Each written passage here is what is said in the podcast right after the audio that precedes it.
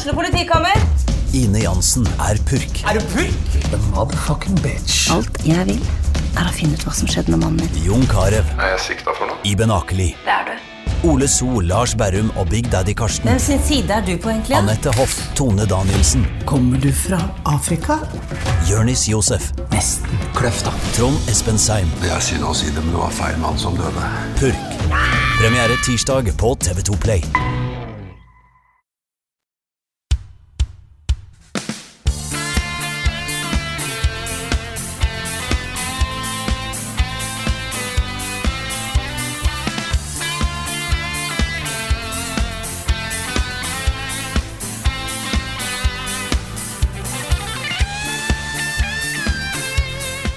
Ikke hvor mai ble av. Plutselig er det snart juni. Det er helt sjukt hvordan denne våren her har gått. Ikke bare fordi at eh, vel, tida går fort, eller fordi jeg bare har sittet inne og spilt Selda de siste ukene og koser meg.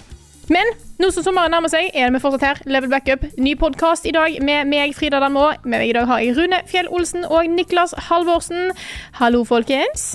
Hello. Hello, guys. Sist jeg så, sist jeg så Carl, så lå han sammenkrøllet inne i dusjen og mumla noe etter om Ganondorf og, og oppgradering av armor og Ah, det var noe Korox han måtte hjelpe. Korox altså. som måtte redde og Han er for snill, vet du, så han klarer ikke å si nei. Nei, nå, eh, Carl har jo nå eh, laget ferdig sin anmeldelse av Tears of the Kingdom. Og det er, var da 120 timer komprimert inn i veldig tett spilling. Han har levd i Hyrule konstant, så nå bare trengte han eh, å so sove. helt innafor. Jeg, jeg unner han å få slappe litt av nå.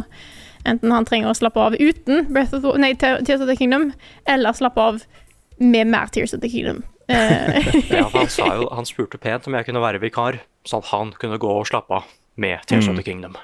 Ja. dette er klassisk avspasering. Så er det jo sånn Han, han eh, tømte seg jo litt for uh, Zelda-prat i forrige uke, og så har han jo denne 15 minutter lange anmeldelsen som er utrolig god. fantastisk anmeldelse. Så dere kan se på den etter podkasten, ikke sant? Og så få litt Carl-følelse inn i, i um, miksen allikevel, ikke sant. Ja, Så møter dere jo Carl på, søndag, på lørdag også. Absolutt, for på lørdag så er det Tiltcast 3.0. Dette er jo en samling av spillpodkaster i Norge som dukker opp rett eh, liksom, på rekke og rad på lørdag 27. mai. Eh, så hvis du hører på podkasten enten den dagen den kommer ut, eller tidlig dagen etterpå, og i Oslo-området, bare kom til Tilt. Der er det gratis inngang. Og det er podkaster fra tidlig på dagen til seint på kvelden. Eh, og vi skal på klokka fem. Fem. Fem. Vi skal på klokka fem. Full kontroll. Her er programmet. Eh, det er CD-spill, Muskelnerdene, Nerdelandslaget, Spill, Level Up, Rad Crew, Spillmatic, Lolbua og Rage-dåsene. Dette her blir altså så bra. Mm. Det, altså, jeg er så lei meg for at jeg ikke får vært her. Eh, Så eh, ja, jeg skal til Bergen på Festspillene, på en paneldebatt om spillkritikk. Men det var et uhell, altså, at det ble den kollisjonen. Fordi de Tiltcast-greiene har vært utrolig hyggelige. um, både å ha det selv, men å bare sette seg ned i salen etterpå og høre på de andre. ikke sant? Det er uh, veldig koselig podkastmiljø i Norge. Og det, mm. er, det blir trist, da, ikke få med seg. På scenen eh, er det da meg, Carl og Svendsen som skal til pers. Uh, vi har eh, gjort klart et litt, eh, litt annerledes program. Det er ikke bare en eh, vanlig podkast eh, på nytt igjen på en scene. Så bare til å, å glede seg. Det blir live-vignetter. Det, blir, det blir kos, rett og slett. Tilt, Oslo, lørdag 27. Mar mai. Jeg holdt på å si mars. Igjen. Vi var jo nettopp i februar! Jeg får ikke dette her til å gå opp den våren. her, Nei, det går altså. for fort. Ja, det går for fort. 27. mai, altså. Yeah. På Tilt. Det er på lørdag, det. Tetris. Skyrim, Destiny 2. The Sims. Edderkoppkabal, Destiny 2. Animal Crossing. Pokémon Cola eller Pokémon Pepsi, Destiny 2. Guitar Hero. Kingdom Hearts Bohemian Boogaloo. Destiny 2. Level Ups spilleliste. Det er ikke bare Carl som har vært ute med anmeldelse på kanalen vår denne uka her. Rune, du hadde en videoanmeldelse av Planet of Lana tidligere i veka.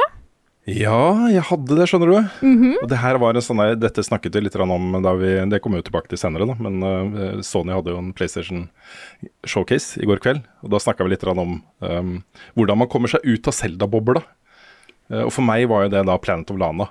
Eh, det å på en måte ta en pause fra Selda, og så spille noe helt annet, som er et, liksom, et veldig eh, eh, separat univers. Eh, og ganske kort. Fem-seks timer tok det meg å runde det spillet. Det var en sånn her fin måte å OK, jeg kan, jeg kan komme meg videre etter Selda. Det er mulig å spille ting og kose seg med ting. Det fins et liv etter Selda? Det du fins et liv etter Ja, okay. Dette var en, eh, en eh, veldig Jeg vil ikke si det var en overraskelse, men det var veldig gledelig og hyggelig å se at dette spillet var så bra som, som jeg håpet det skulle bli. Fordi dette er jo et uh, veldig meg-spill. Eh, vi, er, vi er liksom i limbo inside-land her. Veldig sånn, også sånn 2D, samme type puzzles, samme type miljønavigering. eh, og samme fokus på eh, stemningsskapende scenarioer, på en måte. Også det, det jobbes mye med å sette en stemning eh, med det visuelle og med lydbildet og musikken og sånne ting. Eh, og det viste seg at det spillet her var kjempebra. Utrolig god science fiction-historie. Eh, og det tok meg litt på senga, at den, den historien var så god. Her har de virkelig hatt en plan, altså. En, eh, en, de har jobba eh, ordentlig godt med å få liksom det visuelle til å passe med et eh, narrativ og en historie som hintes litt til. At du må tolke litt og, og finne ut av måte hva som egentlig foregår her på egen hånd. Men eh, det, det her er bra. altså. Det er bra science fiction. De kunne ha skrevet en bokserie om det hvis de ville, liksom. Med det uh, plottet da, som er i det spillet her. Og det er, det er sånne ting jeg liker, da. Du får ikke fortalt hele bokserien, men du får liksom law-bakgrunnen som gjør at du kan bygge ut den historien litt selv, ikke sant. Ja. Så det er veldig stille. Veldig stille science fiction. Uh, fantastisk musikk. Fantastisk musikk. Jeg sendte da en mail til eh, de som sendte ut uh, kode, anmelderkode, i forkant. Eh, er det mulig å få, eh, ta, få tak i denne musikken her? det var det ikke, da. Det først. Så kom de tilbake når det var for sent og sa at det var det allikevel. Så jeg har liksom måttet stå helt stille på forskjellige steder i spill og skru av all annen lyd og bare ta opp musikk og sånne ting. Da. Men det er også så nydelig musikk i det spillet her. Så all musikken i den anmeldelsen la ut, er fra spillet. Og det er utrolig bra soundtrack også. Kjempebra. Eh, ja, så vil jeg også si at, eh, at um, altså dette er jo lagd i Unity. uh, og hvis du har spilt 2D-plattformspill i Unity før, så vil du kjenne igjen en god del i det som går på miljønavigering her. Altså det er mye, Du må hoppe fra den plattformen til den og uh, komme deg opp dit, for da kommer du høyt nok til å komme deg bort dit. Og så Det er mye av det som er veldig gjenkjennelig, men de klarer allikevel å lage et særpreg her, eh, basert på da veldig gode puzzles og mekanikker og den type ting.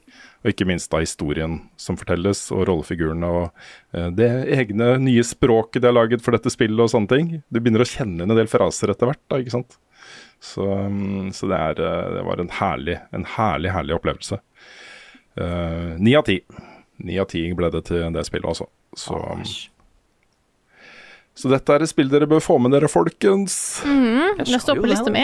Jeg bare, akkurat nå har ikke jeg lyst til å gå ut av Selda-bobla helt ennå. Eh, Jeg Nei, skjønner vær at i du, den. ja, for du har, du har hatt den bobla eh, i huset ditt litt lenger. Eh, Mhm. Men jeg, jeg, eh, det er helt klart et av de første spillene jeg skal kaste meg ut i når, når jeg trenger det. Ja, veldig stemningsfullt. Veldig, veldig stemningsfullt. Um, Jeg likte veldig godt demoen da jeg testa den uh, i høst, var det vel? Eller vinter. ja, den kommer til den der uh, eh, førslippfestivalen i vinter. Februar eller noe sånt. Tror Ja. Januar-februar. Det kan stemme. Så jeg også likte den veldig godt. Og uh, hvis det er andre da som har testa den demoen, og tenkt at de har opplevd hele spillet når de har spilt det, så er det en veldig god slice av spillet de valgte ut til den demoen. Eh, Det er mye mer å oppdage her. Eh, Noe av det hinter jeg litt til i, i, i anmeldelsen. Jeg måtte vise noen av de der fuck... Altså, dette spillet jo, kommer jo fra altså han, Jeg husker ikke hva han heter i farta, men han som grunnla dette selskapet her, han lagde et bilde i Photoshop, altså et kunstverk, med da hun jenta, eh, Lana, og det lille dyret, og en sånn robot, og så den bakgrunnen som du kjenner fra spillet. da. Eh, Det var et, bare et 2D-bilde han lagde i Photoshop. Eh, og så drømte han seg bort i denne verden og begynte å bygge ut en historie. ikke sant? Og så til slutt så var han sånn Dette her må jeg bare fleshe flashe ut. Eh, Jeg vil lage et spill. Og så lagde han dette selskapet da for å lage dette spillet, ikke sant. Wow. Det er, sånn sett så er på en måte den kunstkoblinga veldig god, da. Fordi det er litt den samme følelsen man kan få når man står da i et kunstgalleri og så ser på et, eh, et maleri som, eh, som på en måte du, du føler at det ligger en historie her, og begynner å lage litt den historien i ditt eget hode. Uh, jeg snakka litt om den derre um, De Tåten Insel, denne Tåten Insel, den derre Dødens øy, Mm. maler, maleriet som jeg er så glad i, ikke sant. Ja. Det er sånn type maleri som har en historie. Du kan begynne å lage en historie basert på det. Og sånn er dette spillet her også. Men de har da likevel klart å lage en god historie, så for meg så virker det nesten som om historien kom først, da. Og det er ganske sterkt gjort. Så, så nei, det er kvalitet. Ordentlig kvalitet. Heia Sverige. Heia Sverige. Er det Sverige igjen? Vi skal ikke heie Ja, på det er dem. Sverige igjen. Altså. Hvorfor er de så flinke? Og det er så mye variert òg. Ja, det er så mye, Nå kommer jo Payday 3 fra Starbreeze rett over sommeren, ikke sant. Og det er ene etter det andre. Det er ene etter det andre. Dette er ikke greit. Nei, det er ikke greit, faktisk. Så, men da blir det overgangen eh, Destiny 2. Det kommer en ny sesong av Destiny 2 nå på, på tirsdag. Yeah. Um, Season of the Deep. Og det er, folk har jo kost seg, fordi nå er det jo uh, langt under, eh, under eh, eh, metan Heter det methane? Er det metan på norsk, eh, Frida? Mm. Mm. Metansjøen på, på Titan-månen. Å ja. Eh, hvor, eh, hvor det er da oppretta en base, ikke sant. Og utenfor eh, det store, runde vinduet i denne basen, så er det et, eh, et av disse sånn nesten litt sånn primordial, sånn hvallignende kjempedyr. Som, eh, som kommer der med øyet sitt og kikker inn, liksom. og Sloan, da, som er uh, venderen og, og uh, quartermaster der, liksom, hun kan kommunisere med dette dyret. Så de snakker om The Witness og sånne ting. ikke sant? Mm. Du skal hjelpe de til å kommunisere bedre. Det er en av plott-greiene her. Eh, men folk har jo tulla da med det vinduet ikke sant? og lagt inn The Deep fra The Boys. som fiser forbi på en hval og ting, liksom. det er veldig morsomt. Um, jeg øh, syns introen på den sesongen var veldig god. Det var, du fikk et par sånne historieoppdrag, og noen av de foregår faktisk under vann. Du er for første gang under vann i, uh, i Destiny. Uh, ikke med sånn action gameplay, men det er mer sånn du må komme deg fra et sted til et annet.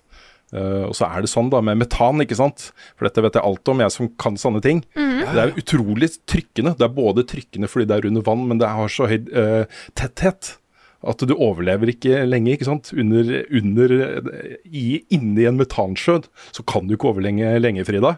Nei, jeg tipper det er mange ting på grunn av ja, men skal vi, jeg, bare googler eh, tettheten til flytende metan, jeg bare sånn for gøy for min egen del. Ja, Det det er Men det, jeg, tror, jeg tror på deg, ja. Ja, det er veldig Eh, vakkert, da.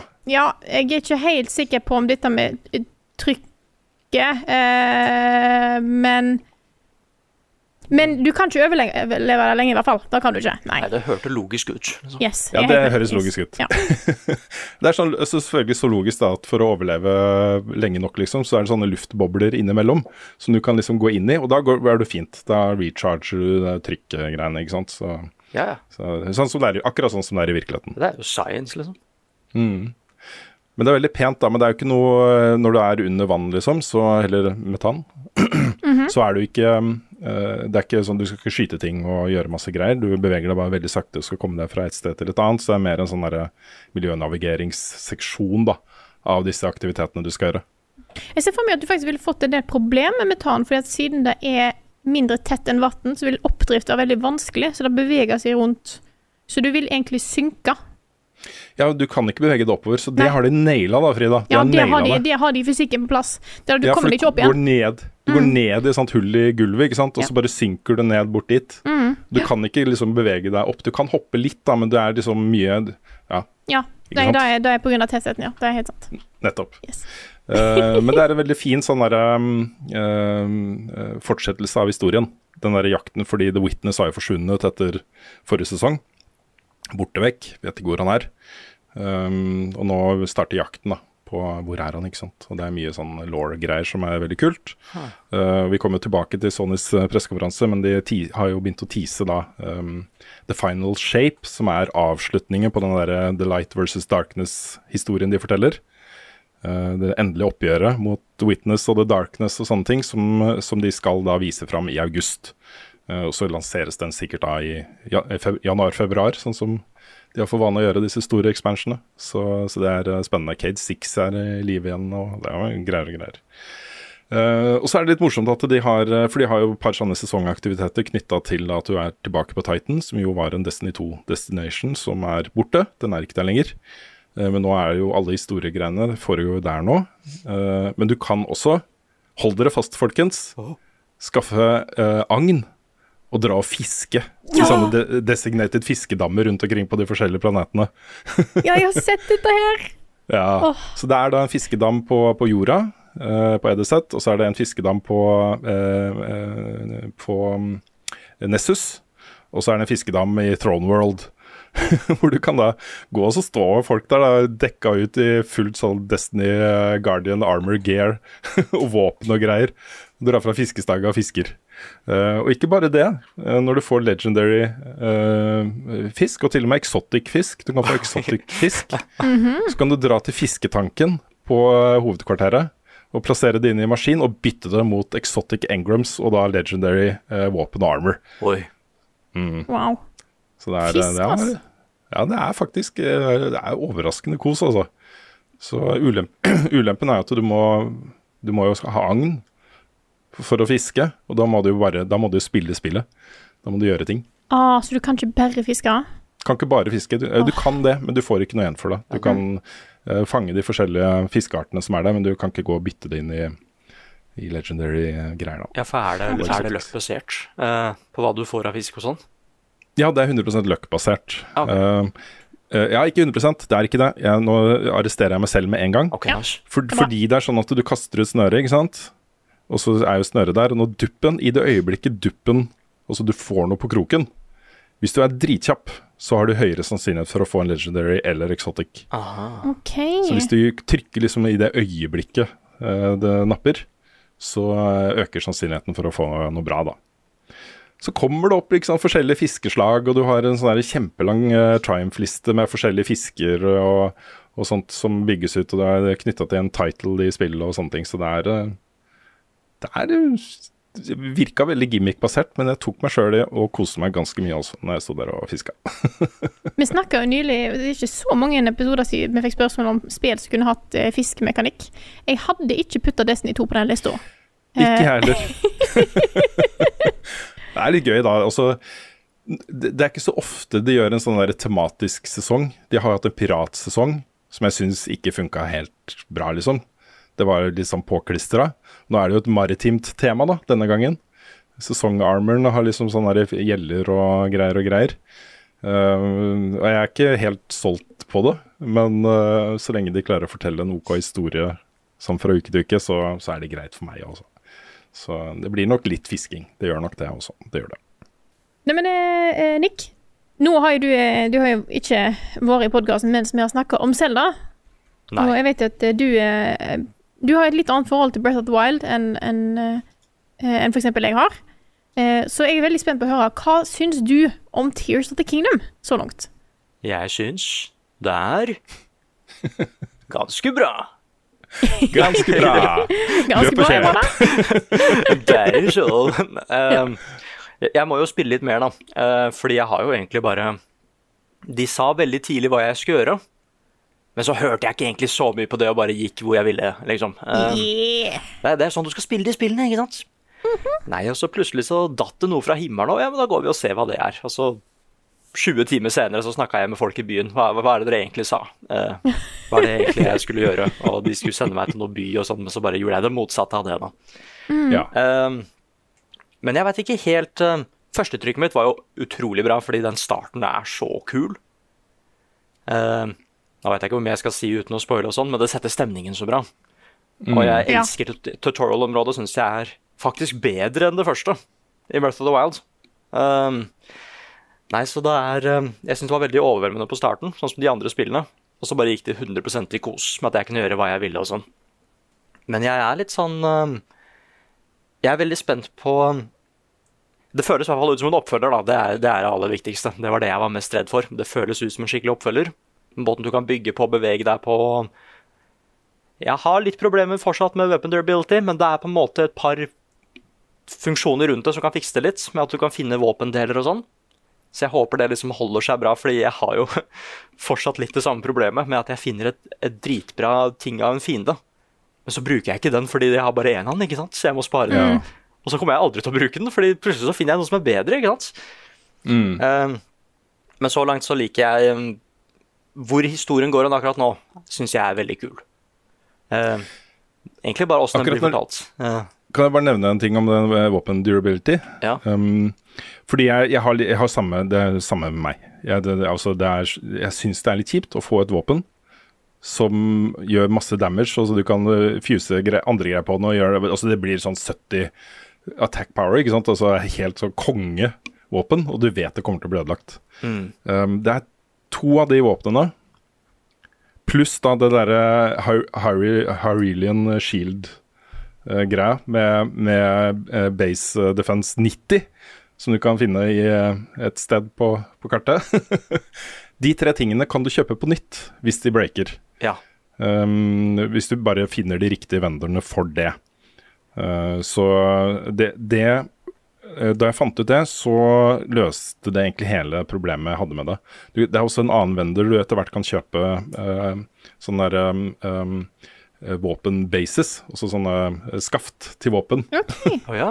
uh, og så bygge på de, da. Da kan du kjøpe så mange du vil så lenge du har materialene til det. Og med de to greiene der liksom på plass, så slutta jeg å irritere meg over, uh, over eh, det problemet. Så nå har jeg liksom alltid en tre-fire sånn konge-boss-våpen eh, i inventaret mitt. Eh, og når de er brukt og knust, så går jeg og skaffer noen nye, eh, lager noen nye. Sånn at jeg har de. Og så har jeg noe masse ræl, da. Sånn Attack Power 20, 30, 40 som jeg bare bruker på alt mulig rart, liksom. Um, så, um, så, så akkurat den biten har blitt mye bedre for meg enn en det var i Breath of the Wild også. Jeg merker også at eh, Altså Nå skal jeg bare si at jeg hadde ikke så mye problem med våpen durability i Breath of the Wild, men jeg merker at jeg på grunn av at jeg syns det er så sjukt koselig å bare hjelpe alle Koroxer med å finne vennene sine, så bare stacker jeg opp med Koroxids. Herregud, så mange Koroxids jeg får. Ja. Eh, så jeg jeg gikk rundt og bare sånn Å, shit, nå har jeg plutselig 38. Eh, og da får du plutselig veldig mye plass til veldig mange våpen. Så jeg har enda Jeg har liksom mer plass til våpen nå enn da jeg følte jeg hadde i Breath of the Wild. Uh, og da, da setter jeg pris på. Da kan jeg Så ha du har funnet uh, Yes. Macarena-duden? Jeg har funnet the best boy. Ja, for det er mitt problem. Jeg har 58 koroksid, og jeg aner ikke hvor han er. Så jeg sitter her og så bare Ok, ja, men herregud, jeg har lyst til å gi deg alt det her, for jeg, jeg trenger mer inventory, altså. Det er mm. Nei, fordi um, Jeg har ikke egentlig noe problem med liksom selve den weapon durability-biten, men jeg kunne ønske at det, jeg kunne ønske at progresjonen var balansert litt bedre rundt. da, Med at det liksom kanskje var noen våpen som bare tålte mye mer enn de andre. Og det er litt av det i Tears of the Kingdom. Det er liksom våpen som har bestemte egenskaper. da. Liksom bedre durability. Hvis du fuser det, så skader det ekstra mye og sånn. Men jeg er litt sånn Jeg er ikke så gira på å finne gode våpen, men jeg er gira på å finne gode ting jeg kan putte på dem. liksom. Så jeg håper det forandrer seg kanskje litt der. Ehm, og så er det at eh, de sier liksom at jeg kan lage dette dritkule våpenet til deg altså. men da må du gi meg tre diamant. Så bare, ja, men det, det er noe av det mer sjeldne jeg har, men ok. Jeg gjør det, jeg skal lage dette våpenet. Og det er bra, men det er, eh, det er sånn Og da bruker vi ikke det våpenet, holdt jeg på å si da, bare holder vi oss litt tilbake. For det er ganske bra, liksom. Kanskje jeg kan ta et, et, et par hits rundt omkring. Men eh, det kuleste så langt er egentlig bare de der Eureka-øyeblikkene. På åssen fysikken og liksom reglene til den verden fungerer, da. Visste dere om åssen du kan bruke slime, for eksempel? På fiendene og sånn? Nei, det har jeg ikke brukt. Nei, altså Hva tenker du på her? Jeg veit ikke om det var i det forrige spillet, eller om jeg bare har glemt det, eller noe sånt, men uh, det er jo mange sånne blå slimes rundt omkring. Eh, Og mange av disse Og det fins jo forskjellige typer slimes, liksom isslime og flamme og lyn og sånn, og da kan du også putte de delene du får av de på piler for å lage elementpiler og sånn. Plutselig så bare med en feiltagelse drepte jeg en slime med et flammesverd, og da ble de delene til flammedeler, da. Mm, Det er Ja, de er element uh, Blå kan bli alt. Ja, og da, og da var det sånn her Shit, jeg finner jo ikke isversjonen av den. Men jeg har et isvåpen, så jeg kan faktisk liksom begynne å farme det her, da, på de vanlige stedene og sånn. Sånne ting er kult. Ja, det er Og egentlig bare at eh, kan jeg shield-surfe en puzzle, så gjør jeg det. Og jeg har gjort det så mye. Det er kjempegøy. Um, mange Da måter du streama dette her på komplett, ja. Så var det sånn både Carl og jeg Det var sånn klaske i panna-øyeblikk når du begynte å shieldsurfe på alle de der puslene som vi hadde brukt masse tid på å løse. Det var litt gøy. Jeg sa det for tull, men så bare vent et bitte lite øyeblikk. Det er jo kanskje noe logisk her. Nei, så ellers så eh, Måten historien blir fortalt på, syns jeg er mye sterkere i det spillet her. Så jeg håper, håper den leverer. Eh, Så er jeg spent på de forskjellige dungeonsa og sånn. Men jeg må helt klart Mm. spille det mer, ja. Jeg vet ikke helt hva jeg syns om helheten. Og jeg er i en litt sånn der honeymoon-fase akkurat nå. Med at eh, dette er jo bare gøy. Jeg koser meg hele tiden, liksom. Jeg kan også bare spille en halvtime og fortsatt få gjort progresjon i det spillet. Eh, men så jeg er veldig spent på hvor det går hen. Om du klarer å holde magien, liksom. Jeg, jeg har jo eh, Nå kan jo Det tar jo litt tid før Switchen oppgir hvor mange timer du har spilt. For liksom, ja, jeg har spilt første gang for eh, så og så lang tid. Nå sier han at jeg har spilt over 40 timer, og jeg har bare gjort den ene hovedquesten. Ikke sant? Ja. Og jeg har det så gøy. Ja, det høres riktig ut. Jeg har funnet Jeg har sett vår på tre eller fire sånne glyfs. Uh, jeg har så jæklig mye mer ting å gjøre, og jeg bare sånn Mm. Fuck, det var en kul ting! Og uh, jeg, ja, altså, fy fader, det spillet her. Det er helt sjukt. En ting jeg har oppdaga mye mer nå som jeg bare går rundt og rydder opp og gjør ting jeg ikke har gjort før og sånt, er jo alle de questene som, som er Som starter med noe interessant i miljøet. Og så Du ser en bygning eller en åpning til en hule eller et eller annet. Dette ser ikke ut som andre steder i dette spillet. Så går du dit, og så får du en dritkul quest. Som kanskje tar en time eller to for å fullføre. Det er, sånn, eh, det er sånn måte å fortelle historie på og gi deg opplevelse på som jeg setter så stor pris på. Altså. Så det er dritkult. Jeg får òg oppleve dette spillet litt dobbelt nå, fordi at jeg eh, fikk jo spille eh, Jeg hadde lasta ned til lansering, spilte hele den helga, eh, og så var mannen min vekkreist, han var på jobbtur. Okay. Eh, og da hadde jo jeg spilt sånn 15 timer. Og så sa jeg OK, vil du teste litt? Jeg er, en hyggelig person som ga opp litt av min gamingtid, så han kunne få lov til å spille Tears of the Kingdom. Dette er, et, det er sånn et bra forhold fungerer, holdt jeg på å si, når vi kun har én Switch. Man må gi og ta. Gi og ta. Eh, så jeg har jo sett en del på, på kveldstid. Eh, liksom sånn, ja, han kan spille litt her og litt der. Høres jeg lar han få lov til å spille, men litt Men han har Warframe, han koser seg med det, så det er ikke et problem. Eh, men jeg får jo sett han spille og han spiller på en veldig annen måte enn meg. Jeg er veldig sånn systematisk. Snakker med alle, får med meg alt. Og han bare ha det! Og så stikker han av gårde og gjør ting. Og det er, det er veldig forfriskende og veldig gøy. Og han finner jo nye ting på området som jeg har vært på. Og plutselig så er det sånn Å ja, nei, denne shrinen her har ikke jeg gjort. Og hva er dette her for meg? Jeg har ikke sett den her devicen her før. Og så prøver vi liksom å finne ut av puzzles på den måten. Og det er utrolig interessant, for jeg får på en måte Jeg får med de tingene som jeg òg har missa, i tillegg. Så jeg føler jeg liksom får opplevd enda mer av spillet. Ja, sånn, ja. Mm. Og det er veldig kult. Jeg oppdaga også en ting som jeg har lyst til å tipse folk om. Fordi øhm, du kan jo oppgradere batteriene. Øh, hvor, øh, som bestemmer da hvor lenge du kan bruke sånne Sonai devices. Og jeg, trodde da jeg hadde makset den, altså alle de der ampullene i beltet til, til Link var jo det var, det var jo blått på alle sammen. Så jeg slutta å oppgradere. Jeg tenkte, Så gikk jeg da og tenkte eh, kanskje, kanskje det er en til liksom, eller et eller annet. Kanskje det er noe jeg bare ikke ser. Og Da viser det seg at du kan oppgradere det en hel full gang til. Så du får et ekstra, ekstra liksom, lag oppå de du allerede har, så, som først bruker den, og så begynner den å bruke det som ligger bak. ikke sant? så, så der er det mye å gå på. Wow! Mm. Jeg Du merker kan, det for duplisere, du kan duplisere de itemene, ikke sant? Og Ja. bare gjøre det. Jeg har ikke gjort det. Jeg merker det da å få oppgradert de batteriene. Eh, det tar jo litt tid, for du på en måte du, Ganske tidlig så får du snakke med en sånn derre batteridude. Mm. Bare sånn Ja, du trenger 100 sånne bips. Jeg bare sånn Jeg har tre. Eh, Det, hjelp. det er akkurat det. Ja, men det kommer seg. Bare så folk vet da. Da, da ordner seg eh, etter Ja, du trenger 300 for én ampull. Ja. For det er tre sånne minislots i, i hver ampull, og en av de er 100. Mm. Så, Så det, jeg, tror det, jeg tror det er åtte, så det er 300 ganger åtte. Å, fy fader. Det, det er mange. Og så, Men og så doble med to, og kanskje tre. Kanskje du får et lag oppå der igjen, ikke sant? Å, men jeg merker da bare det å komme fra ett batteri til sånn Nå er jeg nesten på tre. Fire, mm. jeg. Da hadde mye å si, altså. Ja, Nå kan jeg bare bare zoome rundt på, på jetflyet mitt, liksom. Mm. Ja, det er veldig, veldig eh, Det løfter opplevelsen skikkelig.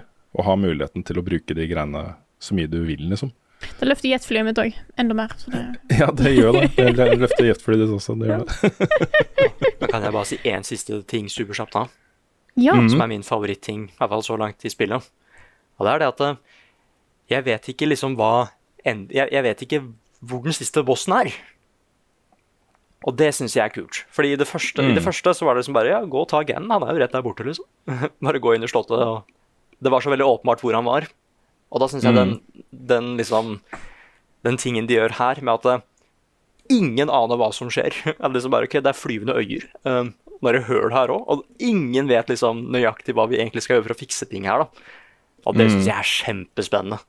For da er jeg litt sånn, ja, jeg har noen anelser om kanskje hvor, hva jeg skal gå inn for å fullføre det spillet her. Men akkurat nå så er jeg litt uh, Ja, jeg er litt lost òg, og det, det liker jeg veldig, veldig godt. Fordi i det forrige så var det liksom bare at eh, jeg følte at ok, nå begynner jeg å bli kanskje bitte litt lei. Da er det på tide å ta den siste bossen. det var litt sånn, da. Ja. Uh, mens her så Ja. er det sånn Her må jeg lete litt og prøve å finne ut av bare ja, hvor er han? Hvor er han her? Jeg antar at det er Ganorf, liksom. Det er jo ikke, plutselig så er det noe annet. Men ja, bare hvor er det han gjemmer seg hen?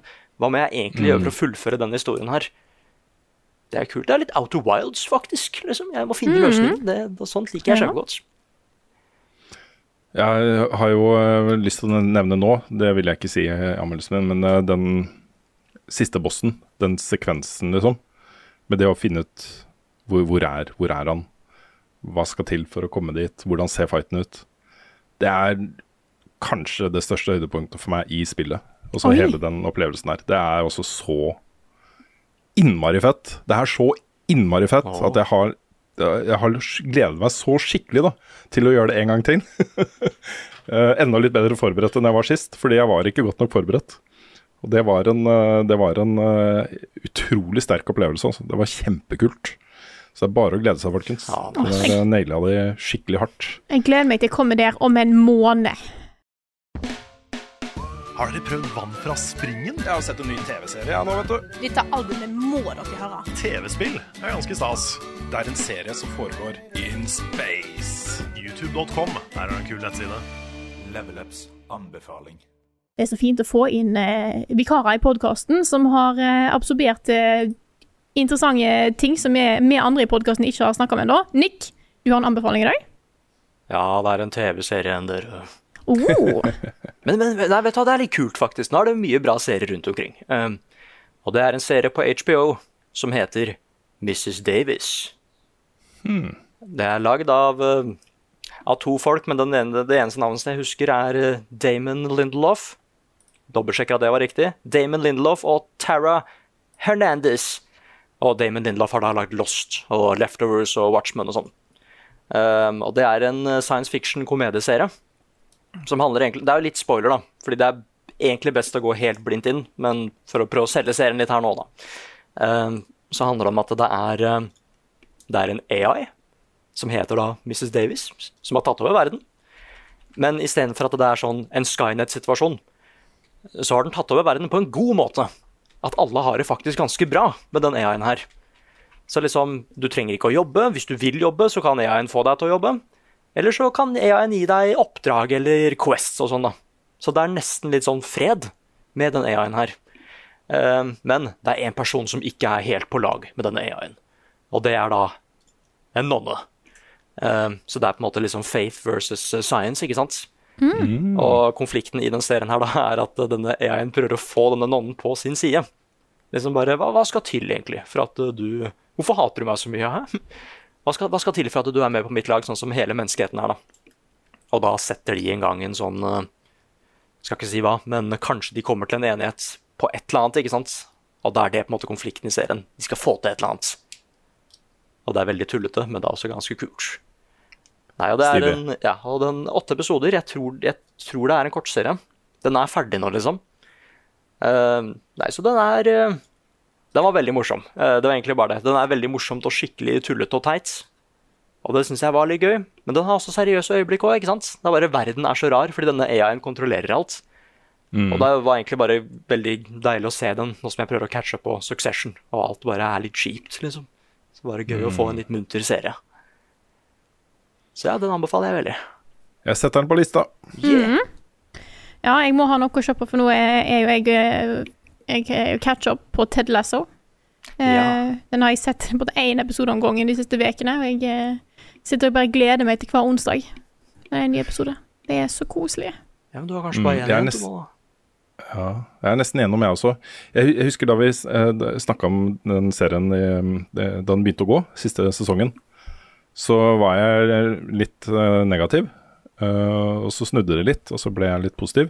Jeg må innrømme at det har gått litt andre veien igjen for meg. Altså. Jeg syns de noen av, noen av de der moralistiske greiene den derre Pass på da å ikke dele nakenbilder eh, med folk, liksom, og slett Hvis du har nakenbilder på telefonen så slett Og så de Mm. der plottpoengene som kommer etter hvert, føles litt sånn derre et resultat av at alle går og kaller det verdens koseligste og mest oppløftende og mest øh, oppbyggende serie som fins, liksom. Med bare bra folk og eksempler på hvordan man bør oppføre seg som menneske og sånt. At det har gått litt i hodet på dem. Det er sånn det føles for meg, da. Jeg syns helt klart at eh, sesongen har sine ups and downs, Uh, men jeg synes den nyeste synes jeg var veldig fin. Den hadde veldig Mm. mye sånn uh, heartwarming-deler. så jeg er spent på å se hvordan de avslutter denne sesongen. Eh, Jeg koser meg fortsatt, altså, for jeg har blitt Ja. glad i disse rollefigurene. Og det er, øh, jeg gleder meg til å se hvor det, hvor det går med de, liksom. Det, det er viktig for meg. Så jeg skal øh, fullføre og ha kost meg. Det er bare Jeg syns de andre sesongene var bedre også. Jeg syns det. Ja, jeg, kan- jeg kan si meg enig i det.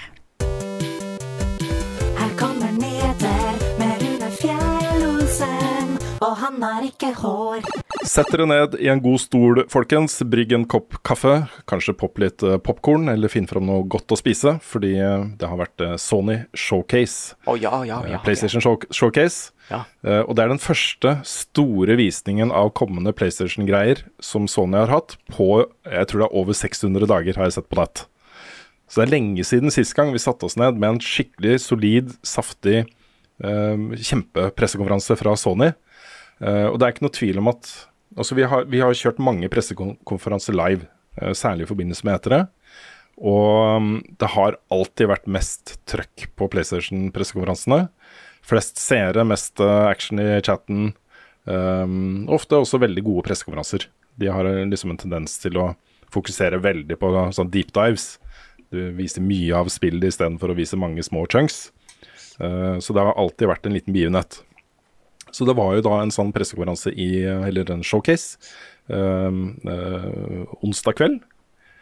Vi dekka det live, og var veldig, veldig spente på forhånd. Og jeg må jo starte med å si at jeg er litt skuffa, altså. Ikke, det var ikke samme schwung over dette her som da de viste fram The Last of Us Part 2 første gang, f.eks., eller God of War første gang. Det, det, det var et eller annet som mangla på sto, de aller største kanonene, liksom. Um, ikke at det ikke var mye bra spill her, og det kommer vi tilbake til, men um, jeg, det, det smalt ikke på samme måte som jeg hadde forventa det skulle gjøre. da. Men, Kan jeg men tror du Nei. Ja, kan jeg komme med, med en skikkelig sånn Nå tar jeg på aluminiumsfoliehatten. For det er det jeg hadde tenkt å gjøre òg, men ja. Ja. Full aluminiumsfoliehatt. Eh, De er på. Yes. Ja. Kan det være de holder tilbake pga. Microsoft? Ja, for det er akkurat det jeg skulle spørre om! Ja. Det er veldig naturlig å tenke akkurat det. Mm. Um, Det gir jo mening. Ja, det gir mening. ja Det, det er um, Det er jo sånn narrativ som kjøres nå i rettssaler, um, særlig i USA. uh, Som jo fortsatt ikke har uh, sagt uh, Altså amerikanske konkurransemyndigheter har jo ikke godkjent eller, eller avvist oppkjøpet av Activision Blizzard ennå.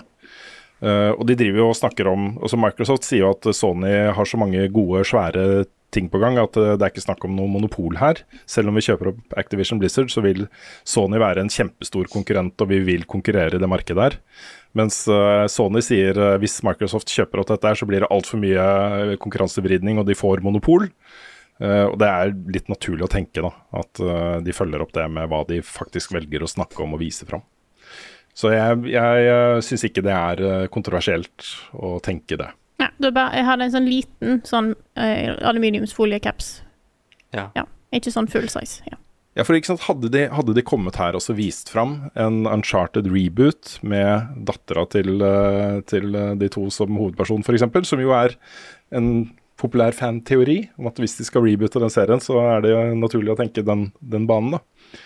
Eh, da følger det også litt Indiana Jones-malen, ikke sant, som de starta med.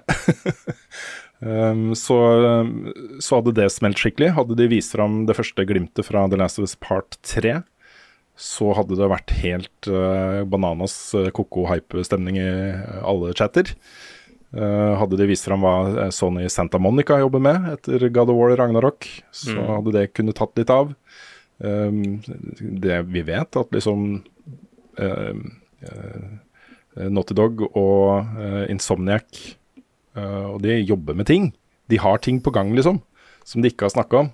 Uh, så så det, kunne, det kunne ha blitt mye større. Hadde dette vært i gamle dager, og ikke Microsoft prøvde å kjøpe opp Activision Blizzard, så tror jeg kanskje det hadde vært flere av de, da.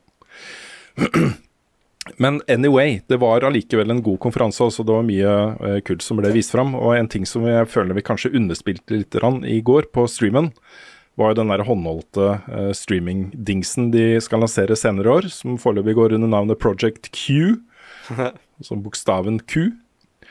Uh, som rett og slett er en sånn der remote play device for PlayStation 5. Hvor du da vil kunne streame spill du har installert på din PlayStation 5 til en håndholdt Switch-lignende device. Hvor du har da en, um, en dual sense-kontroller delt opp. Mellom der har du en, en eh, god, solid skjerm. Um, og du har de samme touch-funksjonaliteter. det er vanlige vanlig eh, dual sense-kontroller. eh, som da bare har en skjerm imellom. Kan jeg bare legge til Altså, Switch-lignende, ja. Men er det ikke egentlig bare en Wii U? Jo da. eh, det, vet du at det har blitt så populært. Også den, det at eh, Hva er det Steamdeck den heter? Den mm. håndholdte til, til Valve. mm. Har blitt, det har blitt så mye snakk om den, og så mange som liker den og som syns den er bra. og sånt. Og nå kommer den ene etter den andre. Det har kommet masse av de der håndholdte PC-ene som eh, kan spille Steam-biblioteket ditt, liksom. Mm. Men, men for de, har måte, de er jo en egen ting. Jeg er litt spent Mm. på hvordan på måte, streaming og av ting til den konsollen her funker. For du trenger jo en PlayStation 5 for å bruke den. Ja. Så det er ikke en egen ting. Nei, det, dette er et ledd i det som Jim Ryan var ute og snakka om allerede før uh, showcaset. Eh, og det er jo at eh, Sony satser hardt og tungt på eh, cloud-spilling og eh, PlayStation Plus. Abonnementer og den type ting da, i, i tiden framover. Så dette er et cloud gaming, en cloud gaming device, hvor din PS5 er clouden, på en måte. Mm. Du kobler deg opp til den og spiller på en måte fra den, da, eh, via den dingsen her. Så da er det en Wii U. Eh, Da blir det jo mer en Wii U, ja, vil jeg si. Mm. Altså, den er, det er en forlengelse av PlayStation 5, uh, først og fremst. Så kan det hende at den har annen funksjonalitet også.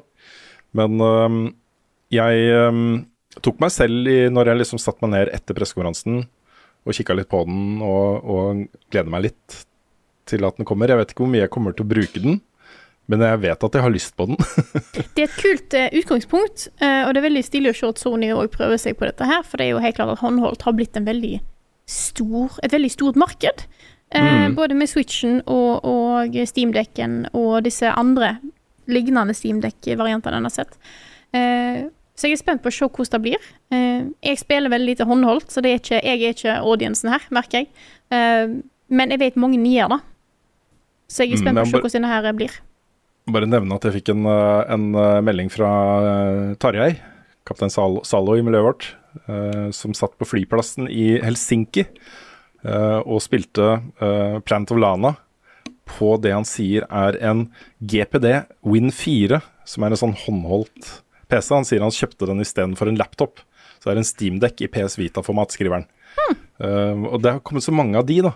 Sånne skikkelig kraftige, håndholdte PC-er. Det er, eh, det er litt kult. Jeg har lyst på en sånn. Jeg har lyst på en sånn.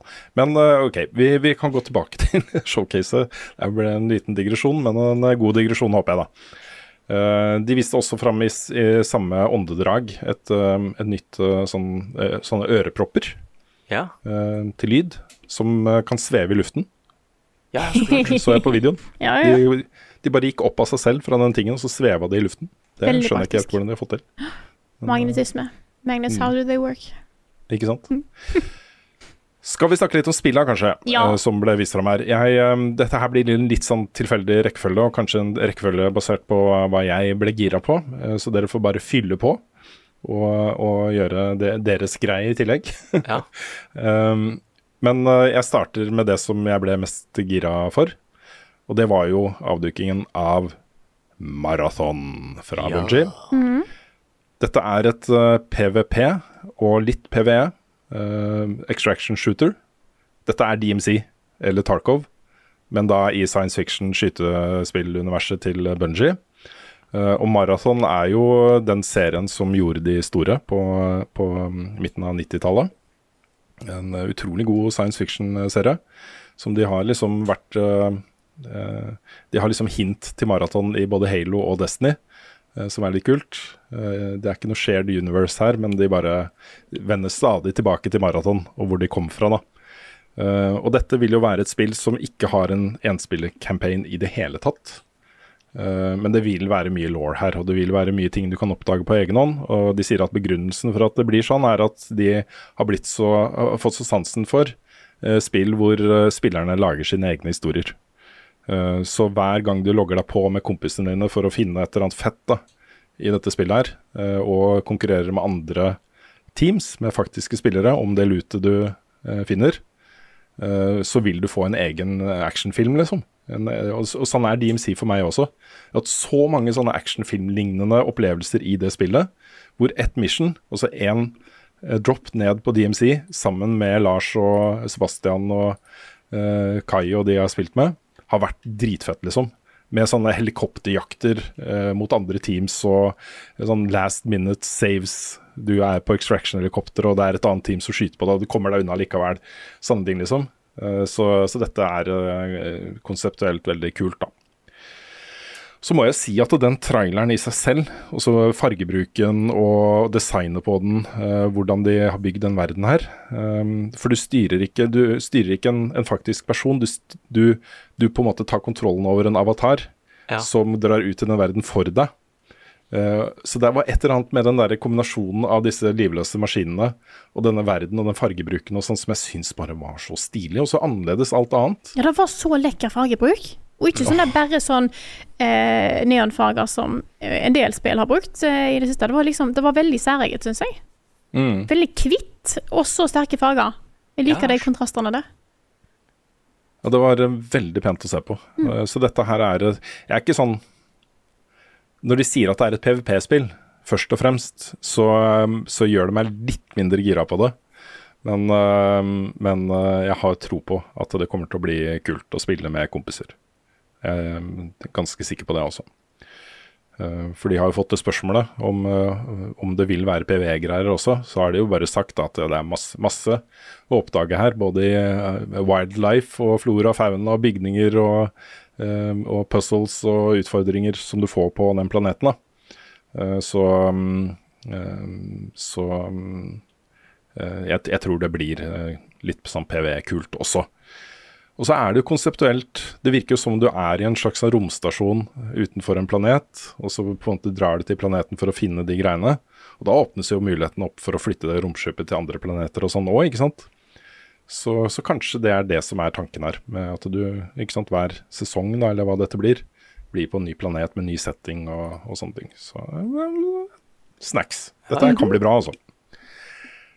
De eh, begynte jo allerede også å tease Bungie, uh, The Final Shape. Det snakka vi litt om tidligere, uh, men det var veldig spesielt å se, og jeg har venta på det, da. Cade Six, som jo ble drept i eh, starten av, eh, av Destiny eh, 2 Forsaken, var nå tilbake igjen og satt og snakka med, med Akora Ray.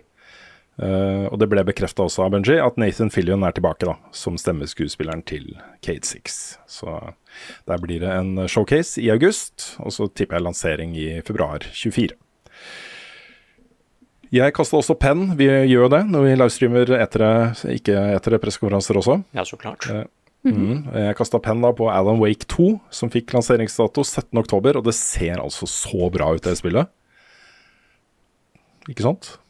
Ja, jeg så det så dritskummelt ut.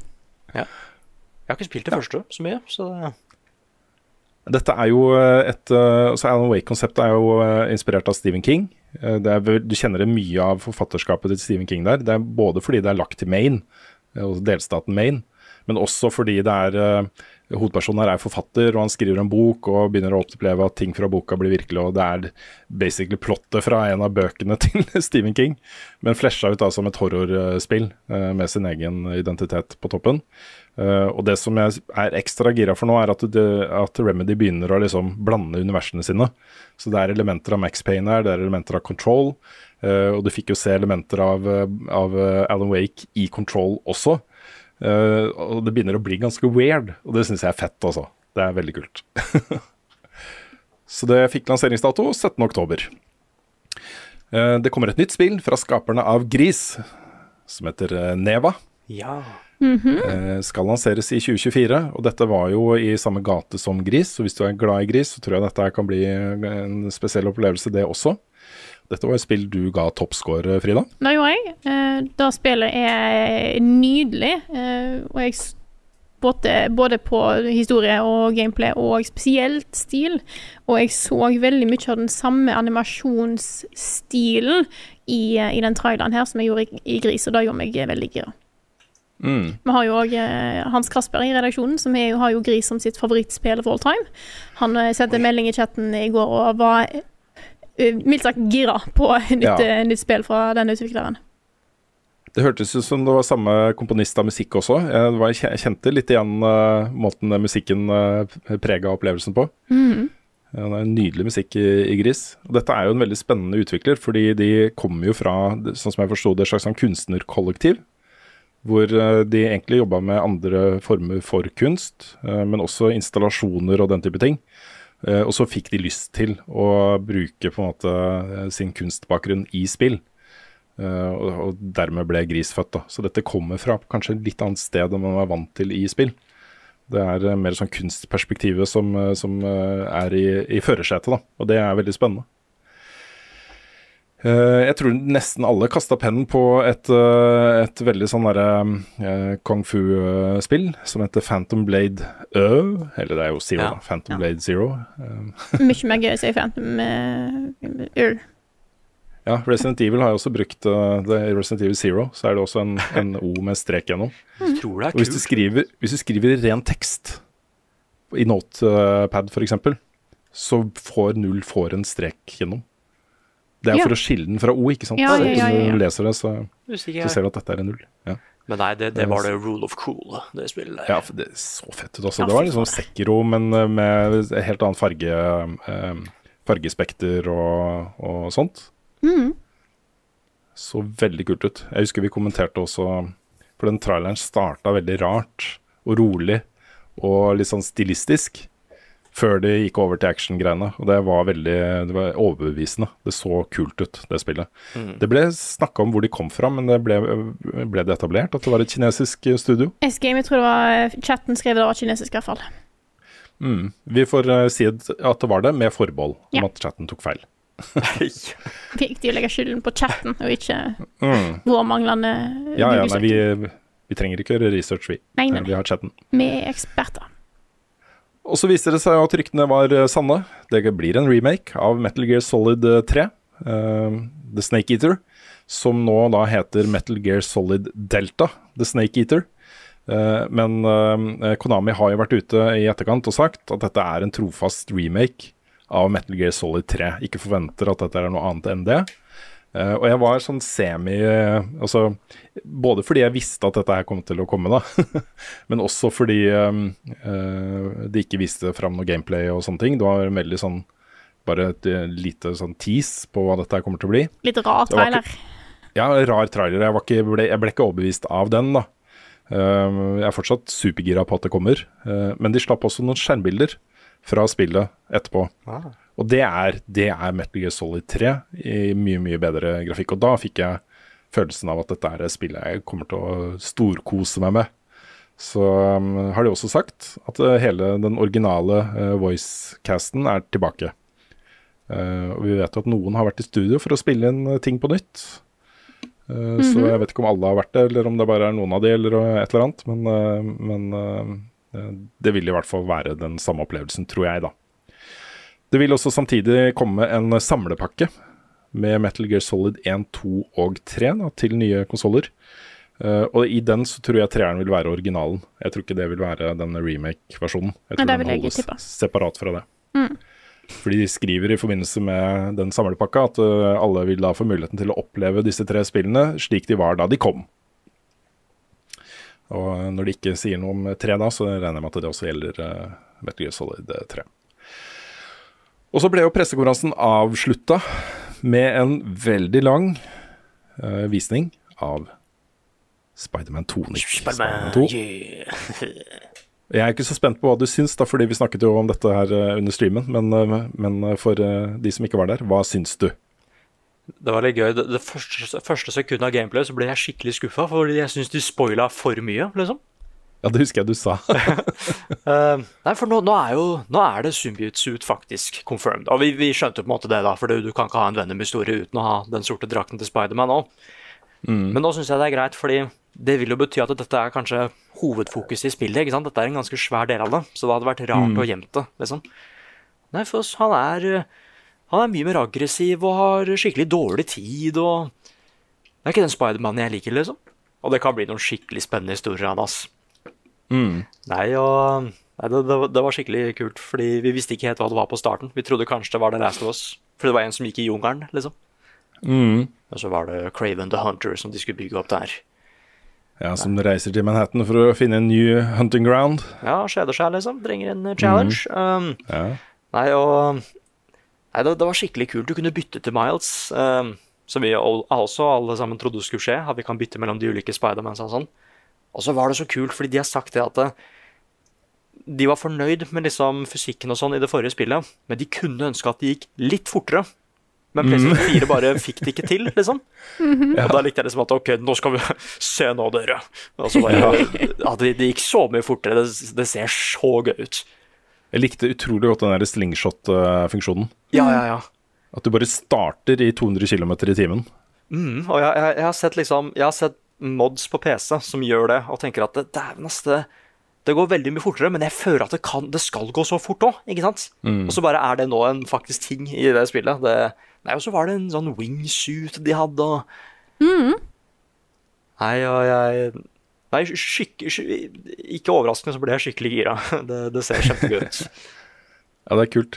Dette har vi snakka om før, og sikkert gammelt nytt for både deg og mange andre. Men eh, vi, det ble jo eh, spekulert rundt eh, om det at du kan være både Miles og Peter Barker. Mm. Uh, om det vil være coop i spillet, og det har de gått ut og sagt at det ikke er. Nei. Så um, bare greit å nevne, kanskje, hvis det, man lurer på det. Mm.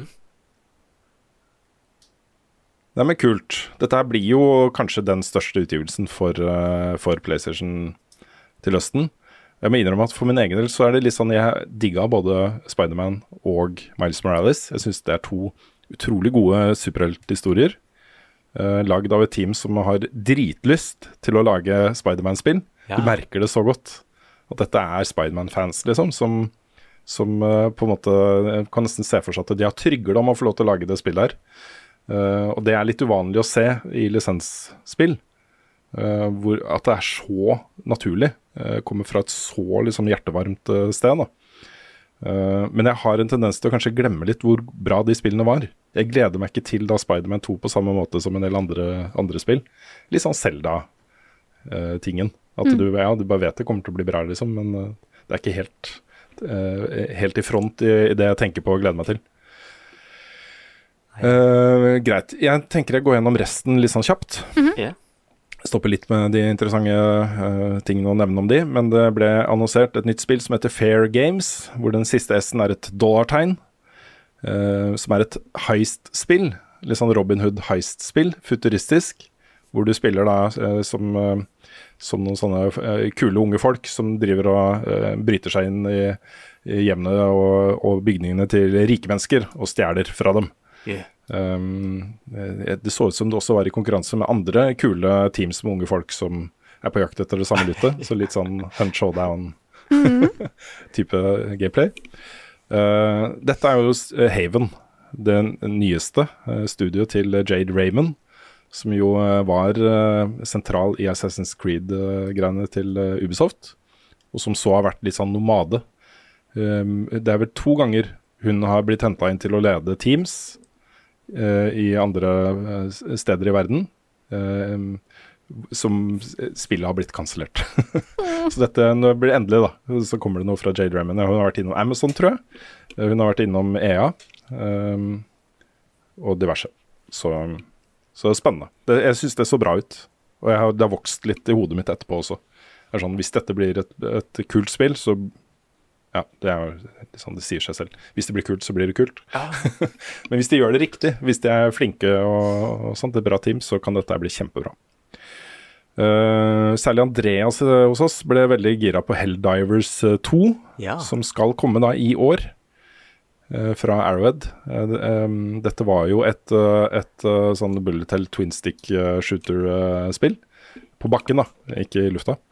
Eh, nå er det mer sånn eh, Outriders, eh, Destiny-lignende fil feel over det. Eh, så også bra ut. Det gjør også Immortals of Avian, som kommer til eh, sommeren. Eh, dette er fra et, eh, et studio, et indie-studio laget av eh, masse bransjeveteraner med erfaring fra mange av de største spillene du har spilt og likt. Eh, et, eh, et rollespill eh, utgitt av EA Originals, dette indie-brandet til EA. Eh, et FPS, Magic-spill, hvor du spiller som liksom trollmenn og trollkvinner og sånt, og har masse magic abilities, men du spiller det som et FPS. Ja, det så veldig kult ut.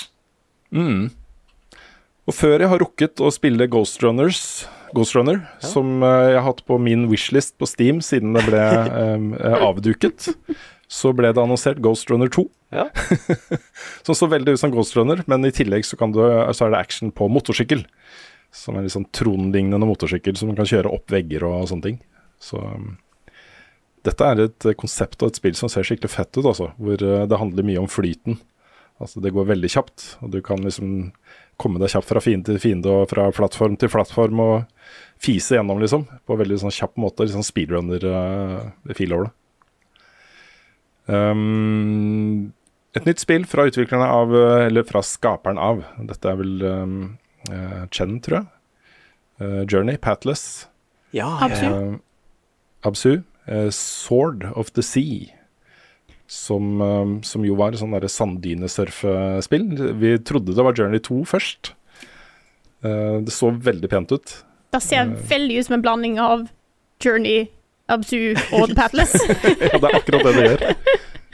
Det var den tingen som gjorde at jeg kanskje ikke ble så hypa for det, fordi det, det var jo Jeg hadde blitt mer hypa hvis det var noe helt nytt med sin egen look og feel, men det at det ligna så mye på eh, den filen jeg fikk fra Journey, liksom, mm. eh, gjorde at eh, ja, det blir nok bra, men ja.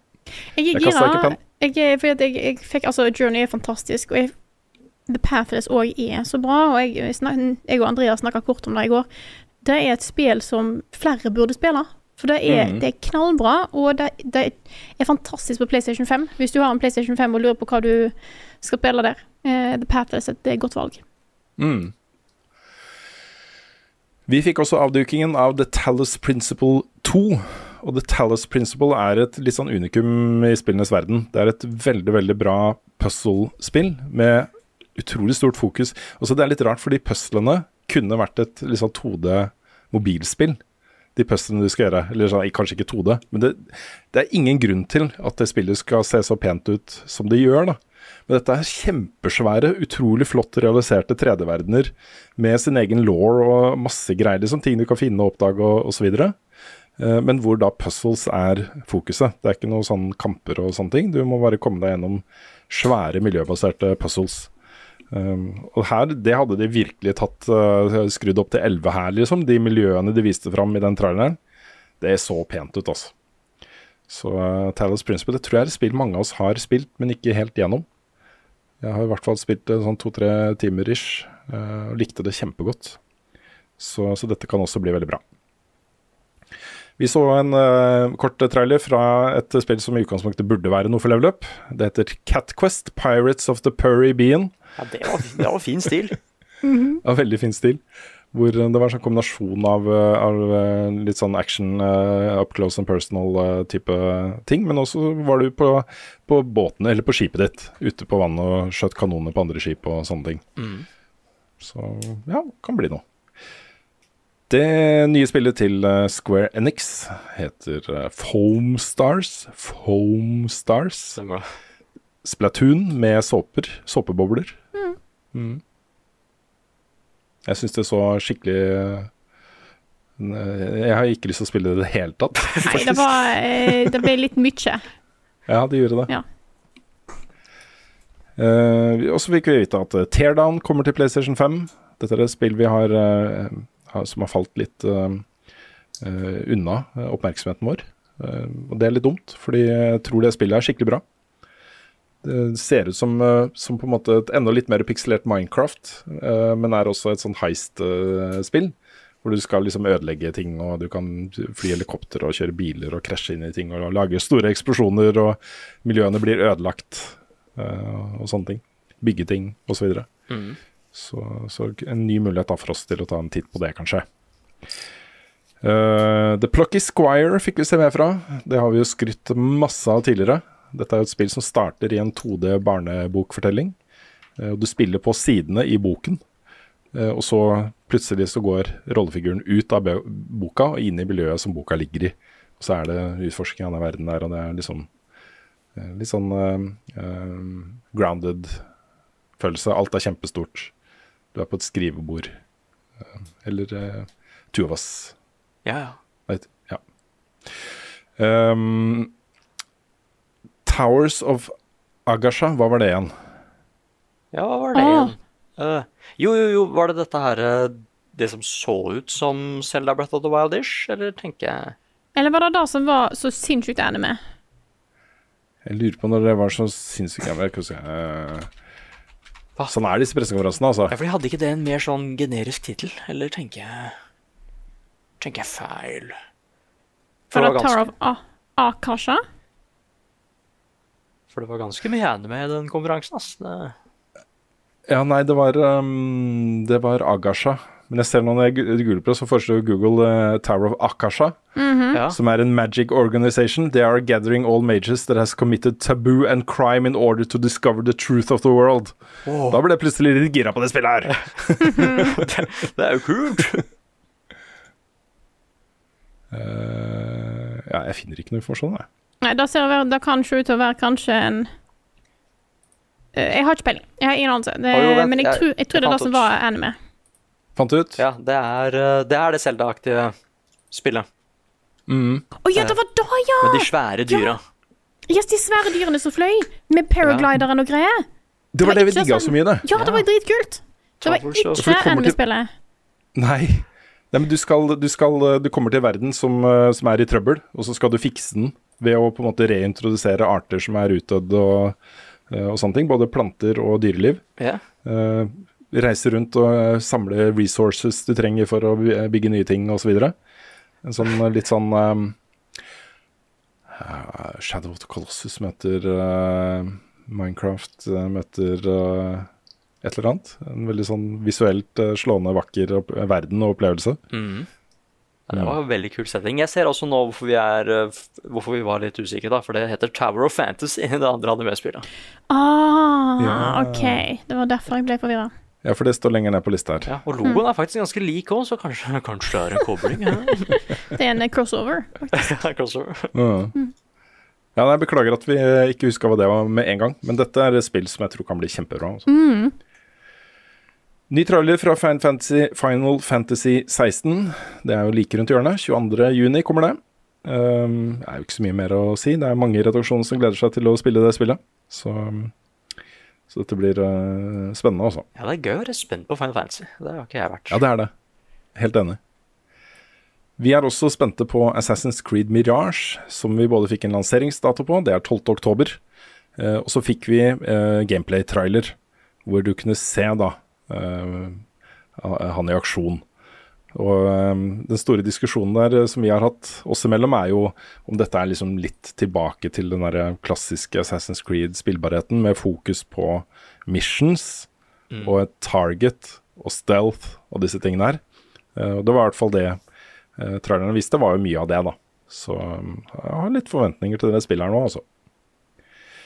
Um, nok et spill som jeg trenger litt hjelp med. Revenant Hill Revenant Hill. Var ikke det nye spillet til eh, uh, Night in Woods? Jo, jeg tror det. Ja, det var det. Det stemmer. Mhm.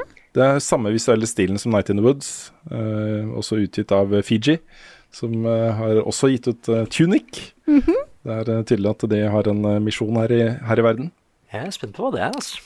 Ja, Mhm. det var jo ikke noe gameplay. Hovedpersonen var en katt. Ja. Så eh, Men det var folk Nei, det var der. sånn- Ekte folk. var- Eller på en måte sånn Ikke bare eh, antropomorfiske dyr. Ja, men det var det også. Det var Ja. det som var litt kult. Fordi du gikk jo gjennom en skog, og da så du silhuetten av rollefigurene fra Night in the Woods. Eller i hvert fall eh, rollefigurer som lignet på rollefigurer fra Night in the Woods. Oi, Det var litt, eh, jeg, jeg er veldig spent på hva dette er for noe. Kanskje vi ser nå hva som skjedde med menneskene, ikke sant? Ja. Det er en prequel, akkurat som hva skjedde med liksom med menneskene i Cars-filmen og sånn. De må jo ha vært der, de òg. Og så et spill som uh, plutselig ble liksom veldig mye uh, uh, på en gang. Grand Blue Fantasy, og den hadde en mye lengre tittel enn det. Det var vel Grand Blue Fantasy, Fantasy og så mye mer. Jeg husker ikke helt hva hele tittelen var. Nei, lest? Men, ja. men et rollespill med alle, alle anime-greiene. Ja, jeg tror det har vært ute lenge i andre steder. Ja, for okay. jeg får opp ganske mye fra ting, i hvert fall i Grand Blue Fantasy-sjangeren, da. Mm. eh, virker det som. Eller sjanger, mener jeg, på en måte, med den tagline, da. Mm. Eh, jeg går videre. Ja, gjør det. Eh, vi fikk en ny trailer fra eh, Street Fighter eh, 6. Ja. Eh, og så fikk vi se Pokker også. Jeg, jeg burde ha sett meg opp på disse trailerne en gang til. For det er litt, når det kommer som en sånn smørje, mm. så er det mye som uh, faller litt uh, ut av bevisstheten. men du- du men ikke sant? Ultros, hva var det for noe? Ultros? Å nei, nå sa jeg akkurat at du hadde oss Eh, Hva var det? Uh, eh, vent, dette høres Vi vet hva vi snakker om, ass. Dette var jo det Eh, det er det, det det sy superpsykedeliske, eh, fargerike greiene. 2D, Ja. 2D-spill, alle fargene i verden. Eh, Stemmer. Kanskje litt, eh, litt mye farger for min del. Nei, jeg syns det her så veldig kult ut også. Det så veldig annerledes ut. Mhm. Men uh...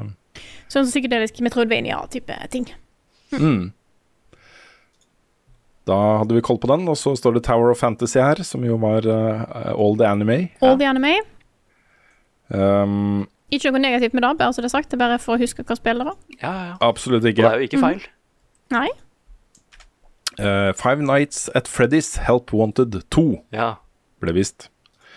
Og så var det en liten uh, sånn VR-sekvens her, hvor de viste fram eh, VR-modusen til Resident Evil 4. Skal ikke spille. Eh, har jeg ikke tenkt til. Nei. Eh, du fikk eh, Arizona Sunshine 2, som var et veldig sånn eplekjekt uh, slakte zombier-spill. jeg likte humoren, jeg likte tonen i spillet. Jeg syns den var eh, Den var ikke anstrengt. Den Mm. var på en måte Den passa uh, Den kom litt fra riktig sted, den også. Jeg syns det var, uh, var gøy, da. Um, han hovedpersonen mente han så, så det samme ansiktet overalt. Fred. Alle zombier var liksom Fred, han så han overalt. Måtte drepe, og så hadde han en hund som han var veldig glad i. Eh, eh, det kommer et nytt Crossfire-spill til PlayStation VR. Crossfire Sierra Squad, som er akkurat det det høres ut som. Det er akkurat det det høres ut som. Det er liksom Rainbow Six-type eh, i VR. Mm -hmm. Uh, Synapse, Synapse, hva var det igjen? Å ja, det er han som gikk inn i Jeg holdt på å si drømmen til han ene karen. Yes. Stemmer det. Det var litt sånn timeloop-ting, fordi han, eh, du gikk på en måte inn i drømmen og så skulle gjøre ting, og så så du at han var på vei inn i samme drøm en gang til etterpå. Mm. Um, hvor du kunne eh, manipulere ting, uh, altså telekinesis, men også skyte ting. Uh, det er en veldig sånn stilisert, uh, rar verden. Jeg syns det så kult ut. Og så fikk vi da vite, uh, bekrefta, at uh, ikke bare kommer Beat Saber til PlayStation VR2, det er ute nå. Det ble droppa da. Så hvis du er glad i, i eh, trim i VR så, og musikk, Mhm. så er det en ny mulighet til å spille det som kanskje er det mest spilte, i hvert fall et av de mest spilte VR-spillene som er laget, og det er jo ute på alt, absolutt alle plattformer som har VR. Så dette er en, et, en sånn hjørnesteinsutgivelse i VR-verdenen også. Så trenger jeg litt hjelp til på en her. Concord. Concord, hva var det? Det Var ikke det noe sånn space uh, Jeg tror det var da du kom deg sa Er det veldig mye ting som er space? Er ikke det bra eh, for deg, Rune? Jo, det, Jo, var kanskje det stemmer. Ja. Mm. Det var der den burgeren var. Ja, det var burgeren som var i, space, eh, i romskipet. Vi fikk ikke sett noe gameplay, men det er helt klart eh, Jeg tror, ut fra hva jeg har eh, kjapt googla her nå, eh, PVP Multiplayer FPS fra Mm. Firewalk Studios. Ja, det er kult. Når jeg ser på skjermbildene på PlayStation Blogg her, så er det jo bare, det er bare sånn stiliserte ting. Men dette ser, eh, dette ser eh, ut som noe for meg. Og så sparte jeg, sparte jeg Dragons Dogma 2 til slutt. Der fikk vi en trailer også, med både gameplay og litt story-ting og sånne ting. Åh, jeg er så spent. Mm, dette er, har jo blitt en sånn kulthit. Mm. Eh, kanskje hjulpet litt av Elden Ring eh, i eh, året som har gått også. Eh, fordi plutselig, da etter Elden Ring, så begynte folk å snakke om Dragons Dogma 2.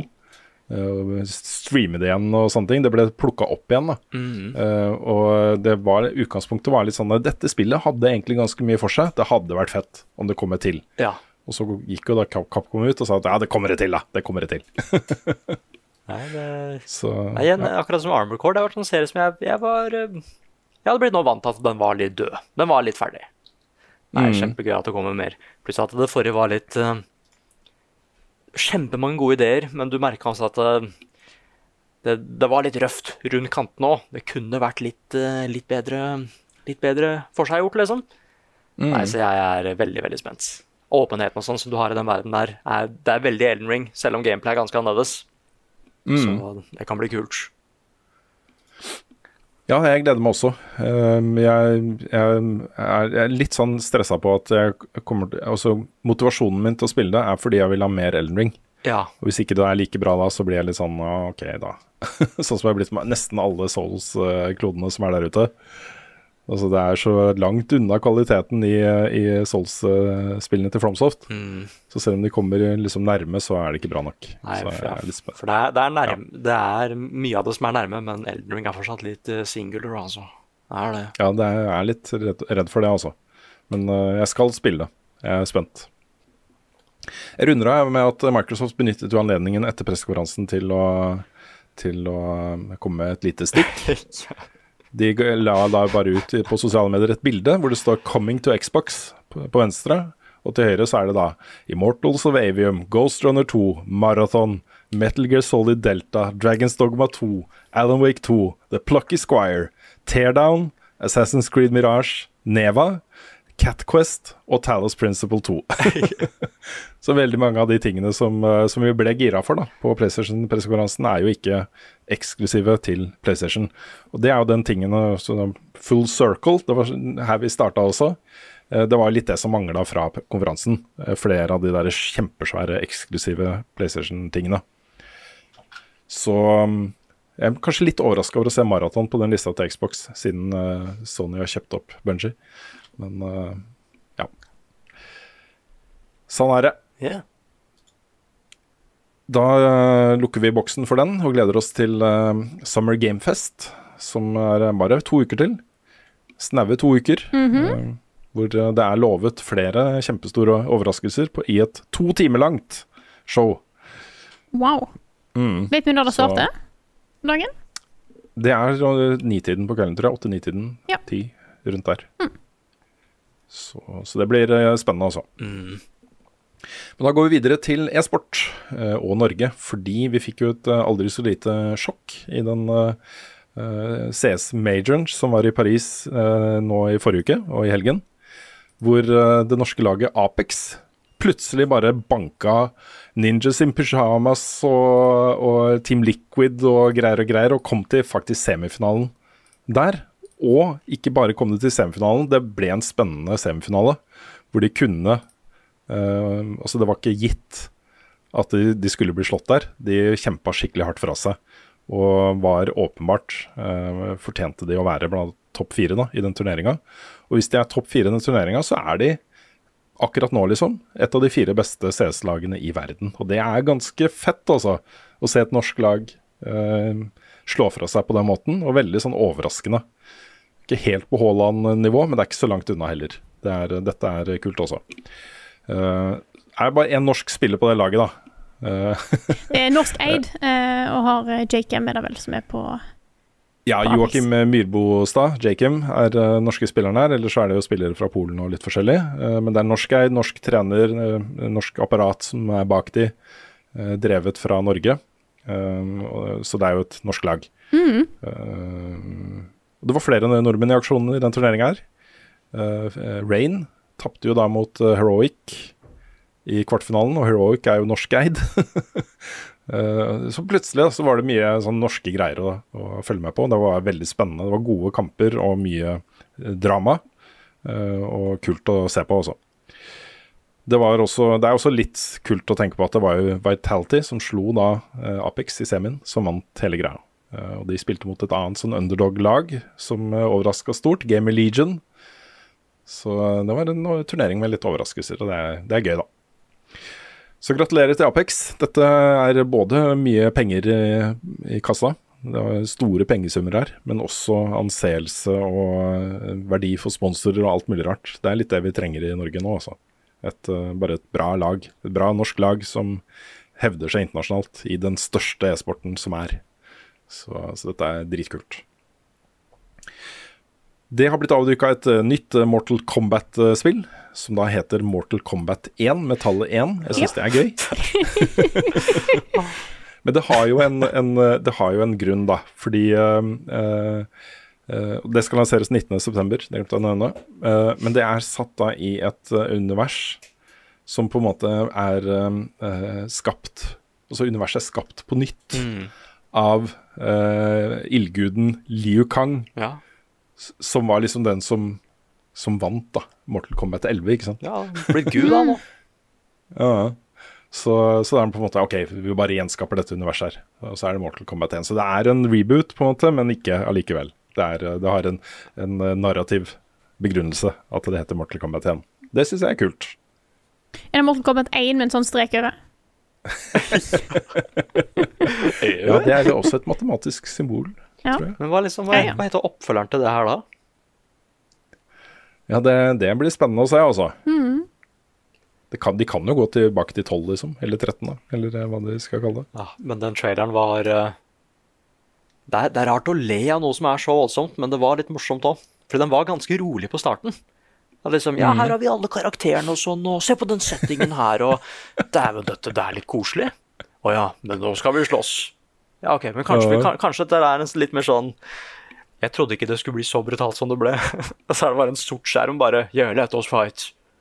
Og det var sånn ja, 20 sekunder med slakt, liksom. Fatalities Ja. overalt og Mm. Nei, det Ja, det er ganske brutalt å se på. ass. Nei, det, jeg, jeg gleder meg. Jeg liker Mortal Kombat. Mm. Jeg har hørt flere snakke om, for det er jo, dette er jo liksom slåssespillenes år, dette her. ja. Det kommer Street Fighter 6 og Tekken 8 og nå da Mortal Kombat 1. Mm. Alle tre i samme år. Det vet jeg ikke om har skjedd på en stund. Og så skjedde det sikkert i fjor, eller før i fjor, når jeg sier det på den måten. Men det, det er jo liksom de tre store gigantene innen sjangeren da, Mm. som eh, kommer med nye spill, og det er jo veldig kult. Ja, ja, ja. Eh, Det kommer et nytt Total War-spill som heter Total War Pharaoh, altså Farao. Um, jeg tror det gir null poeng til de som gjetter at det foregår i, uh, i Egypt. Å ja. Det er liksom bronsealderen i Egypt da, som, som dette her skal foregå i. Uh, og så nevner jeg bare til slutt at nå har jo eh, EU godkjent Microsofts oppkjøp av Activision Blizzard. Uh, Storbritannia har sagt nei, vi venter på USA. Men Kina sier ja. Ja. Kina har sagt ja. Så ja. Det kan jo ende opp med å bli at det er bare Storbritannia som sier nei.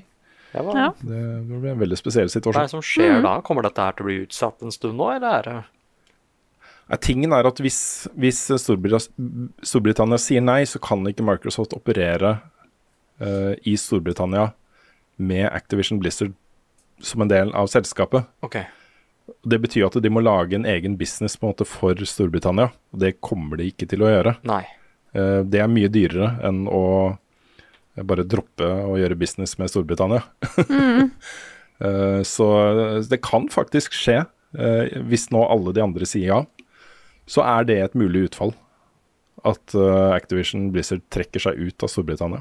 Ha. det er et stort marked, og jeg tror den sitter langt inne. Jeg tror, eh, jeg tror de som eh, var imot brexit, eh, ikke blir mer fornøyd da, for å si det sånn. Nei, det er litt, det er litt med det også, for det er ikke, ikke bare tilgang til produktene, men det er jo arbeidsplasser og uh, alt mulig rart, liksom. Mm. Tenk deg hvor mange offentlige institusjoner og sånn som bruker Windows. Ja, For Microsoft kan ikke bare trekke seg ut av Storbritannia. Det går De jo ikke kan jo ikke det, vet du. De Nei. kan jo ikke det. Så, um, men eh, jeg er veldig spent på dette, her, altså, for de sier jo at en anke, liksom, en ny behandling, vil ta minimum ett år. Oi, wow. Og det er eh, ja. Det er mye rart som skjer der, altså. Um, eh, Storbritannia har jo gode grunner også til å si nei. Det er jo ikke en, en opplest og vedtatt ting at selvsagt skal Microsoft få lov til å kjøpe Activision Blizzard. Og selv EU, og sikkert Kina også, har jo hatt innvendinger og ting de har diskutert. Og det har ikke vært en, en, en sånn ting som de bare Nei, ja, selvfølgelig. Bare, bare kjøp de. Det, hvorfor skal vi bry oss om det? Ja. Men det er temaer å diskutere her, liksom. Så, så nei, vi, det er spennende. Veldig spennende også. Hva er dines best, hvordan fredag sist? Har Carl egentlig sopp? Ukens spørsmål. Vi har fått inn et spørsmål her eh, som var så bra at vi måtte bare starte med det i denne podkasten her. Dette er fra Jakob, som skriver Tears of the Kingdom er et fantastisk spill, men min bedre halvdel blir direkte mannevond av at jeg utrettelig luker Hyrule Herbs og andre nyttige vekster på skjermen, mens vår vår virkelige plen er i ferd med å forsvinne i et hav av løvetann. Har dere noen ideer til hvordan jeg kan gamifisere hagearbeidet og skape litt Zelda-magi på egen tomt? Ja, dette er så bra, ass. Det er jo interessant hvordan vi kan virkelig gjøre ganske repetitive ting i spillverden. Enten det er å vatne planter eller eh, farme ting eller whatever. Men i virkelig livet det er det litt større terskel på å sette i gang, altså. Ja, det er jo en uh, god gammel eh, gaming-meme, det der. Med liksom særlig da menn og gutter som uh, har det kjemperotete hjemme og de deltar ikke i husarbeid og, og sånt. Men i spill vet du, så har de full kontroll på økonomi og items og eh, fullt organisert og bruker timevis på å pynte opp i huset sitt og sånne ting, liksom. Spille Power Wash Simulator og sånt. For eksempel, Ja. for eksempel. Ja, jeg er et mye mer effektivt menneske i spill, rett og slett. Ja.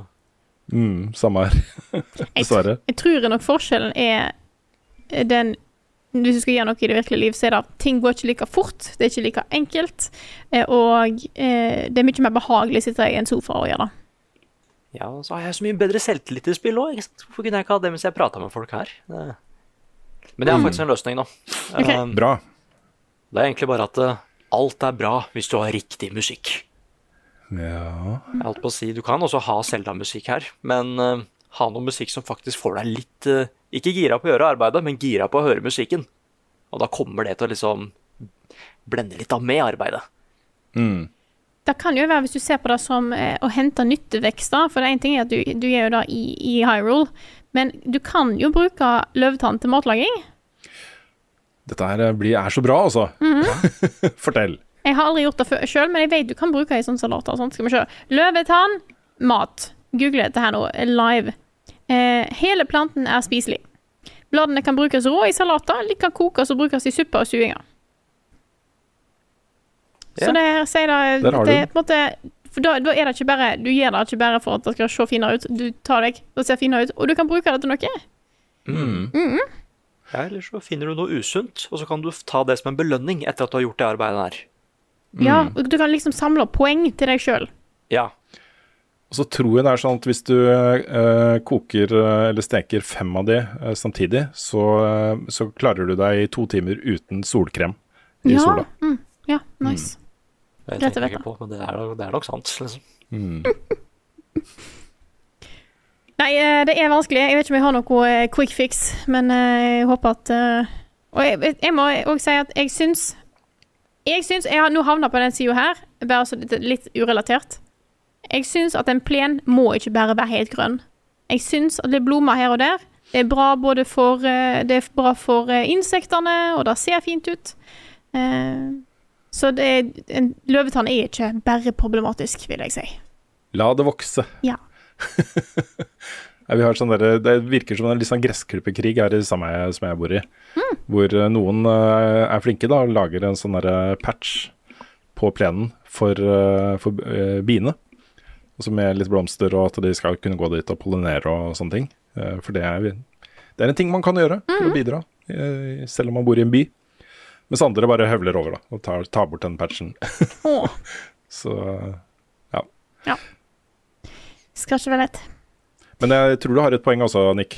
Det er sånn eh, musikk eller podkaster du liker å høre på. Mm. Så føles det da, da, da er det ikke husarbeid eller hagearbeid du driver med. Da hører du på podkast. Ja, da får du med deg noe annet òg mens du gjør det, så du føler ikke at du kaster bort tiden. Mm.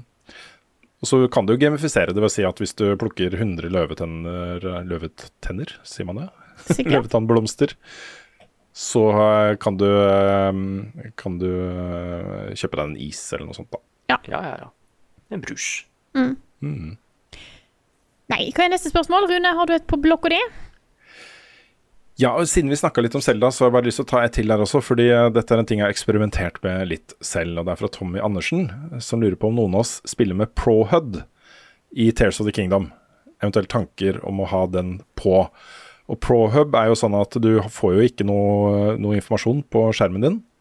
Um, annet enn når du trenger det. Jeg, tror, jeg lurer på om kartet er der, men sånn helseinformasjon og sånt er ikke der. Eh, så da må du bare følge med på jeg, jeg tror det kommer opp når du mister et helse, så tror jeg det vises kjapt på skjermen, og så går det bort. Men det er mer en sånn fri for ting. Og jeg har brukt mye når jeg har gått og tatt kule bilder og sånt Ja, ja. i spillet. Uh, og da, det ser spillet mye penere ut. Det gjør det, altså. Uh, jeg husker uh, Assassin's Creed Valhalla og disse, den serien der hadde jo det samme. En, eh, hvor du kunne skru av masse informasjon på skjermen og sånt, og få en mye mer sånn exploration-basert opplevelse. Da. Og det er vanskeligere fordi det er lettere å dø. Du har ikke den oversikten. Du kan gå inn i en kamp med liksom tre hjerter uten å være klar over det. Eh, men eh, innlevelsen blir jo større, da. Så det er veldig pent. Jeg skulle ønske at jeg klarte å spille med det, men jeg blir litt avhengig av den informasjonen som jeg får da, fra HUD-en. Jeg visste ikke at det var en modus. Jeg tror jeg skal teste den ut bare for å se, men jeg tror nok jeg kommer til å ha den vanlige Hudden på. Eh, vil jeg, hvis jeg kjenner meg sjøl rett. Jeg brukte den mye på starten, helt til jeg begynte å møte på de fiendene som one-shotta meg og sånn. Da Mye one-shotting ass, i Ja. det spillet Ja, i faktisk starten. ganske mye av det. Fy fader. Og da ble det litt sånn Dette er det bare fordi jeg har høvden av, eller er det liksom Er det noe som indikerer hvor sterke de er? Og, men det er litt kult òg, da. Du vet liksom ikke helt hva du har med å gjøre før du blir slått av det, liksom. Mm. Men ja, når det begynte å bli vanskelig, da måtte jeg skru den av litt. Mm. Kan jeg ta et Selda-spørsmål til? Gjerne. Eh, Det er fra Marius Hansen Hansen Hansen. Eh, som skriver da Elden Ring og Tears of the Kingdom får mye skryt om dagen, men i begge disse spillene er mye av historien og verdenen fullstendig valgfri. Hvorfor er dette positivt?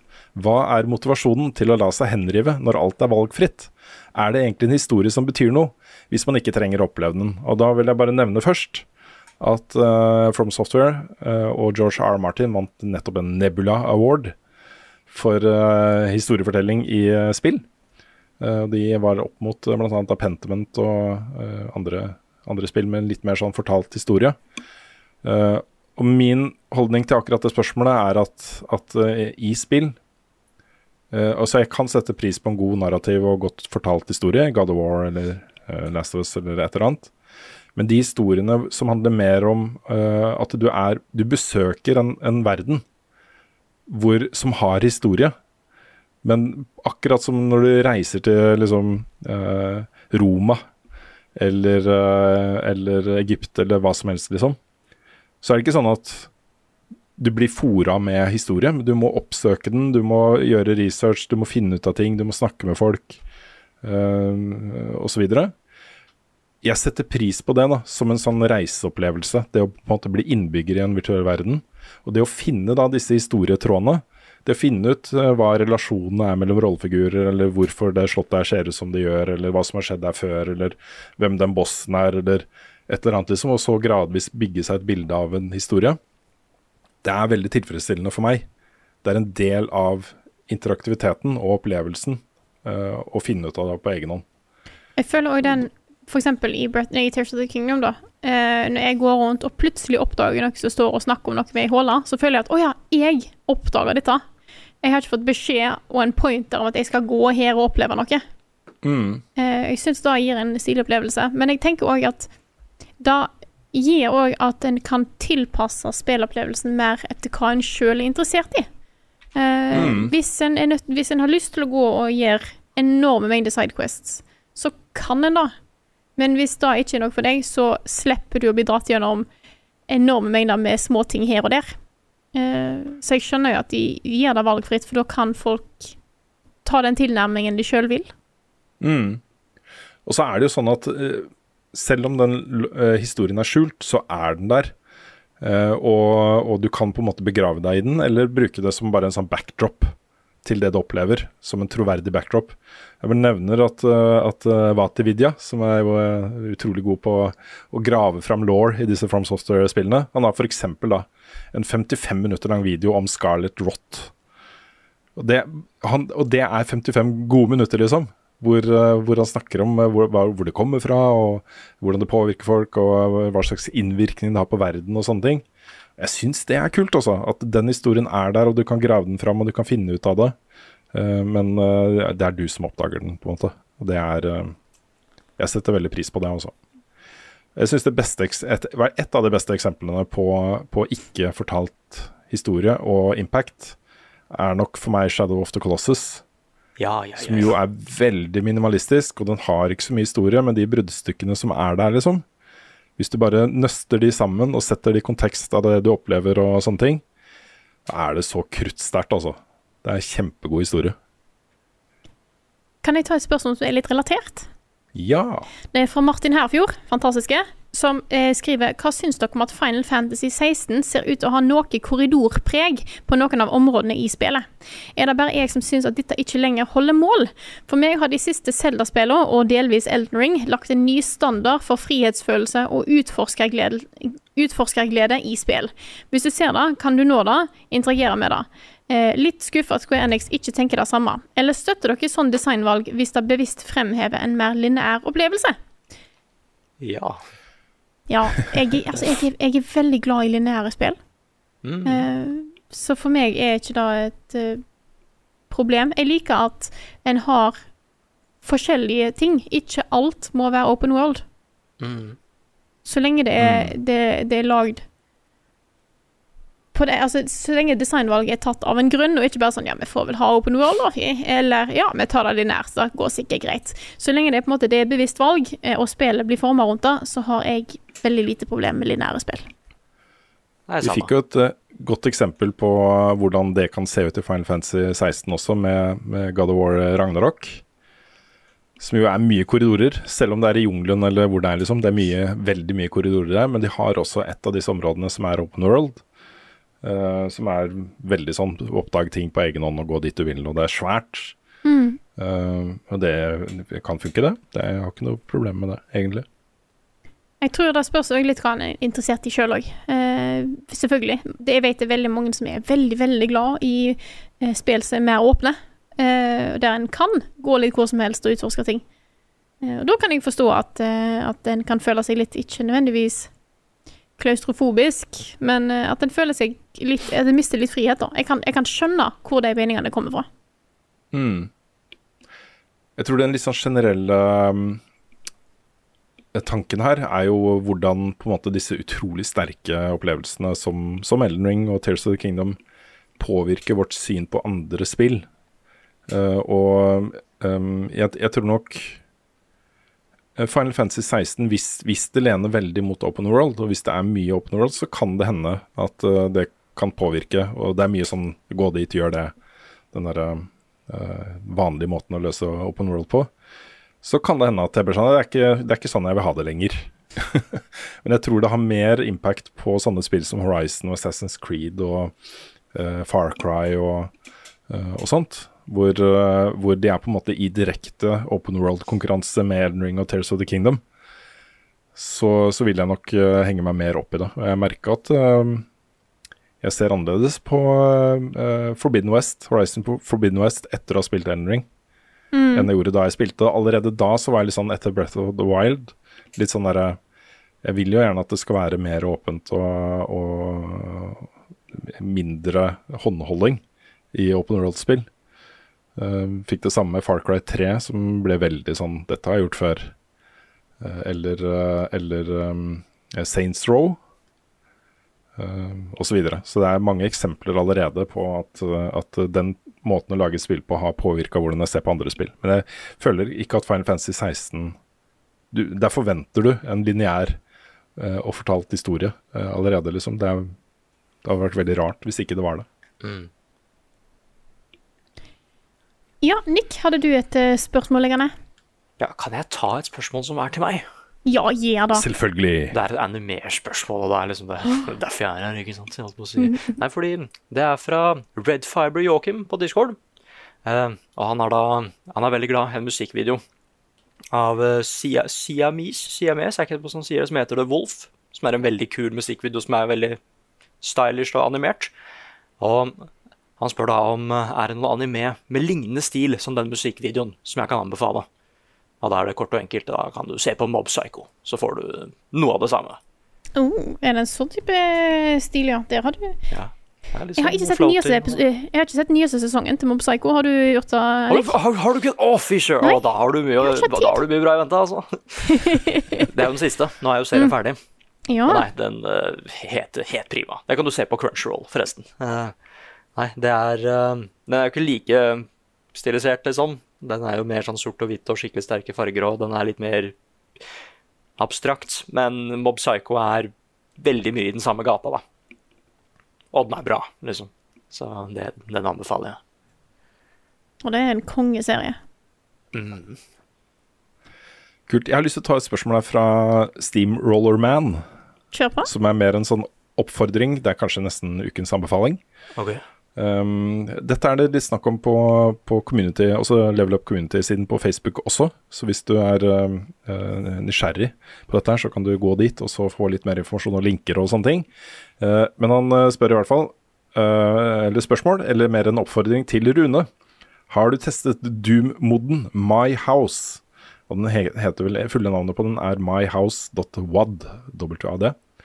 Uh, dere pratet om noe i siste podkast som, som gjør at jeg mistenker at denne er noe for, uh, for meg, da. Nuff said, hashtag no spoiler.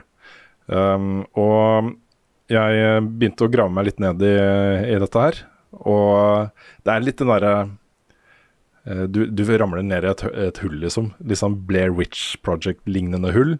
Okay. Eh, med et konsept og et prosjekt og en mod eh, og en bakgrunnshistorie som er helt latterlig kult. Altså. Eh, så eh, i den tråden på det innlegget på eh, Community, så ligger det, har han også lagt ut en guide til hvordan du kan få teste den moden. Med hvilken versjon av Doom du skal laste ned, og hvordan du skal installere moden og sånne ting. Men det er også en link til en dokumentarvideo om denne moden, som er laget som en skikkelig sånn derre eh, skutt fra hofta-dokumentar om sånn Blair Witch-lignende ting, liksom. Og jeg bare Jeg så ti minutter av den, eller noe sånt. Og var sånn Dette, Denne moden her må jeg teste. Det var utrolig kult. Det er veldig, veldig stilig. Dette er en sånn type skjult spillhistorie, og skjult greie, liksom, som jeg tror mange eh, med sansen for ting som er litt sånn dark og rart, eh, vil ha sansen for. Så jeg vil bare videreføre eh, den nydelige eh, eh, det nydelige tipset som vi fikk fra Steamroller Man der, om at dette er noe jeg kan gå god for. Eh, dette, er, dette er kult å utforske. Så myhouse.wad. Hvis du søker på det på YouTube f.eks., så får dere sikkert opp det som førstevalg, til den videoen som jeg snakker om. Kult.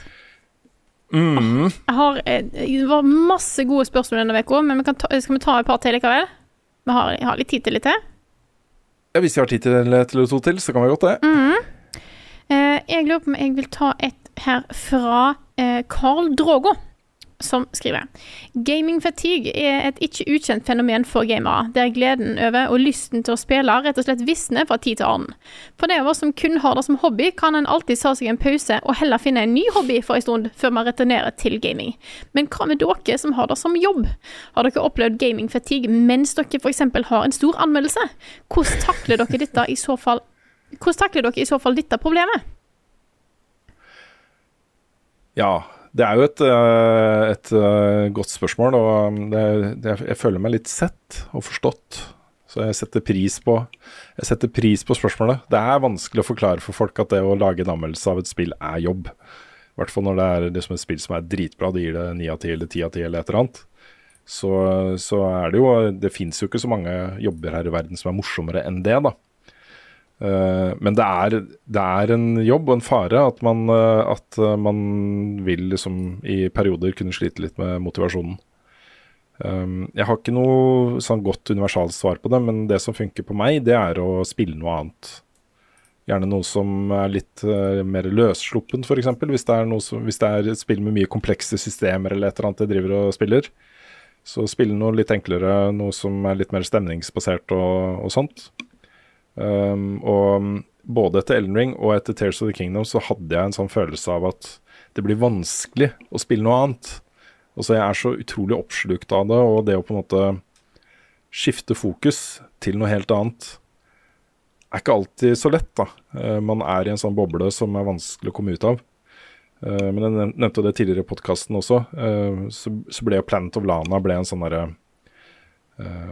ganerenser for meg, liksom. Det, det gjorde at jeg liksom kunne legge Selda eh, til side og fokusere på noe annet. Fordi det var en veldig god opplevelse som var noe helt annet. Eh, så, så det er kanskje et tips, da. Hvis du eh, ikke har lyst til å gå ut og løke, luke løvetann i hagen når du blir lei av å spille, Ja. så kan du sette deg ned med et, eh, et kort, eh, vakkert indiespill og bare føle på ting og, um, og kose deg eh, med noe annet enn det du vanligvis eh, spiller. Jeg får eh, gaming fatigue eh, jevnlig. Eh, jeg har perioder der jeg, jeg vet ikke helt hvorfor, men der jeg merker at nå orker jeg ikke å gjøre spesielt mye. Eh, jeg får det sånn cirka en gang i året, og det er ofte i sånn slutt, slutten av vintersperioden. Jeg tror det er bare da jeg drittlei av vinteren. Eh, så rundt sånn februar-mars har jeg som regel en periode der jeg ikke spiller så mye. Eh, veldig rart, egentlig. Det har som regel gått fint, at det har ikke krasja med anmeldelser og sånt. Men eh, det har vært anmeldelser som jeg det har endt opp med å ikke gi ut fordi at jeg er midt i en sånn periode. Um, Baba is you, den tror jeg kom midt i en sånn periode der jeg kjente at nå må jeg ha en pause fra liksom de vanlige tingene jeg gjør, som gaming, eh, og gjør helt andre ting. Uh, og da Så da har det faktisk skjedd at det er anmeldelser som ikke har blitt noe av av det. Mm. Nick, føler du, opplever du dette her iblant? Nei, ikke egentlig. Nei. Jeg holdt på å si uh, uh, jeg, jeg har en så svær backlog av ting, liksom.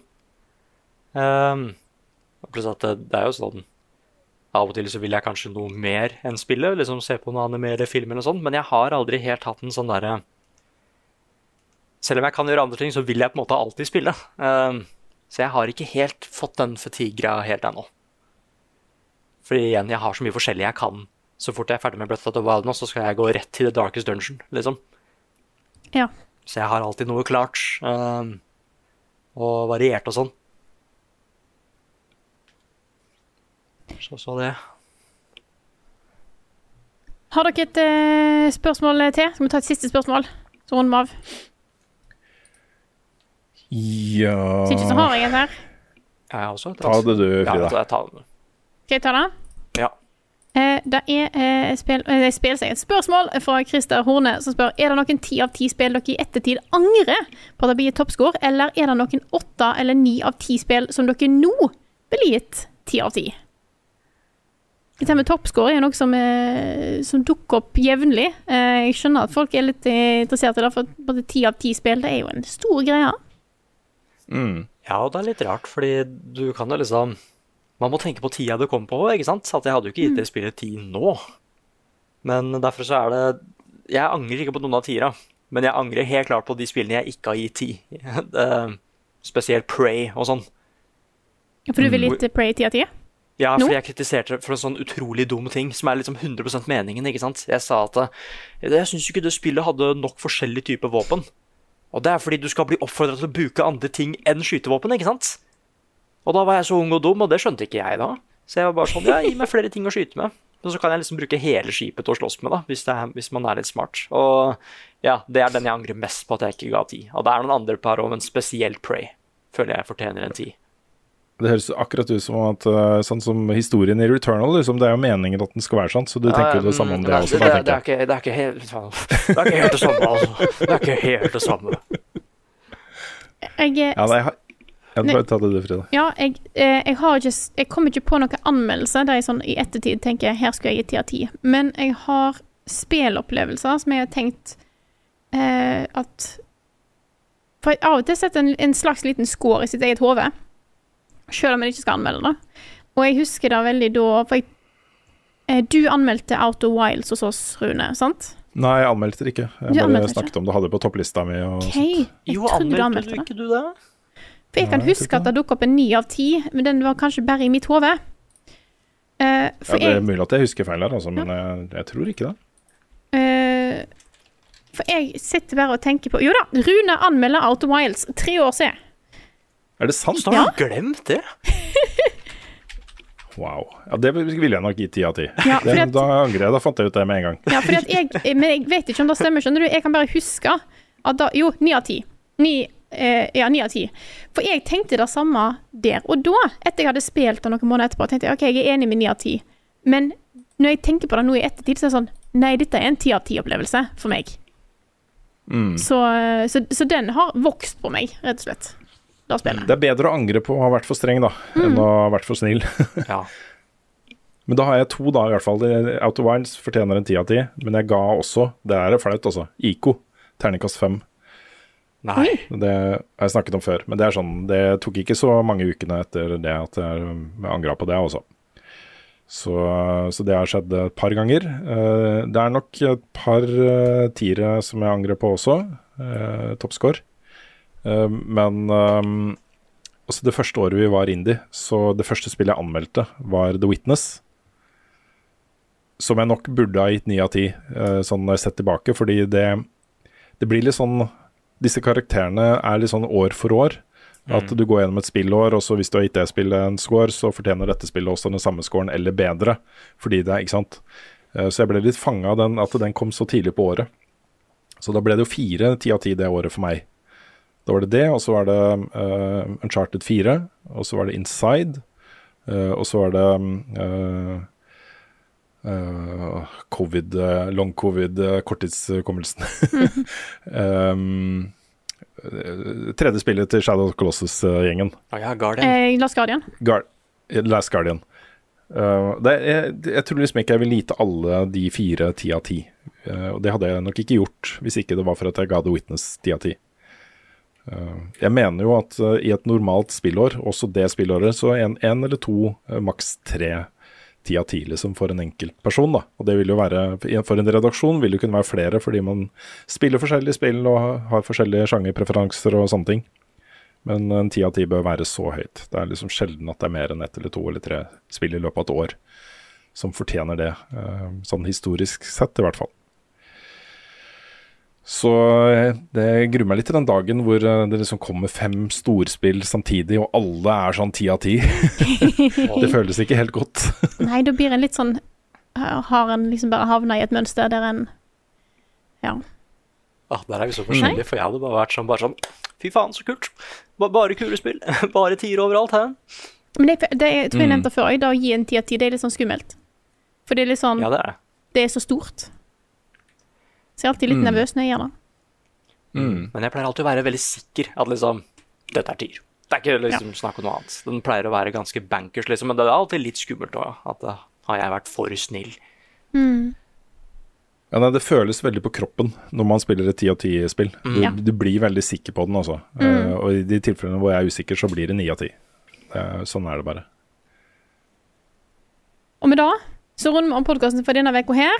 Eh, men hvis du ikke eh, har fått nok av stemmene våre, så er det bare til å komme på Tilt i Oslo eh, 27. mai. Da er det livepodkast med meg, Carl og Svendsen. Litt annerledes podkast, men bra show blir det likevel. Vi starter klokka fem. Gratis inngang. Be there. Ingen aldersgrense før klokka seks, så du kan få med deg showet vårt uavhengig om du har fylt 18 eller ei. Mm. Eh, dette her, podkasten her, er Level Backup utgitt av moderne media. Låten i introen og outroen er skrevet av Ole Sønnik Larsen og arrangert og framført av Kyosho Orkestra. Vignettene er lagd av fantastiske Martin Herfjord. Innholdet vårt da finner du på youtube.com slash levelupnord og twitch.tv slash levelupnord. På kanalen vår der finner du Carl sin anmeldelse, fantastiske anmeldelse av Tears of the Kingdom. Og Mhm. hvis du ville se våre reaksjoner på Sony sin pressekonferanse, så ligger den ute som opptak på Twitch-kontoen vår. Oh yes. Bli med i kommunen vår på discord.gg slash levelupnorge. Og kjøp gjerne litt merch hvis du vil ha det, på levelupnorge.myspreadshop.no. Og hvis du har lyst til å støtte oss, og det vi gjør, så er det bare å gå inn på patreon.com slash levelupnorge og støtte oss eh, med det beløpet du har lyst til der.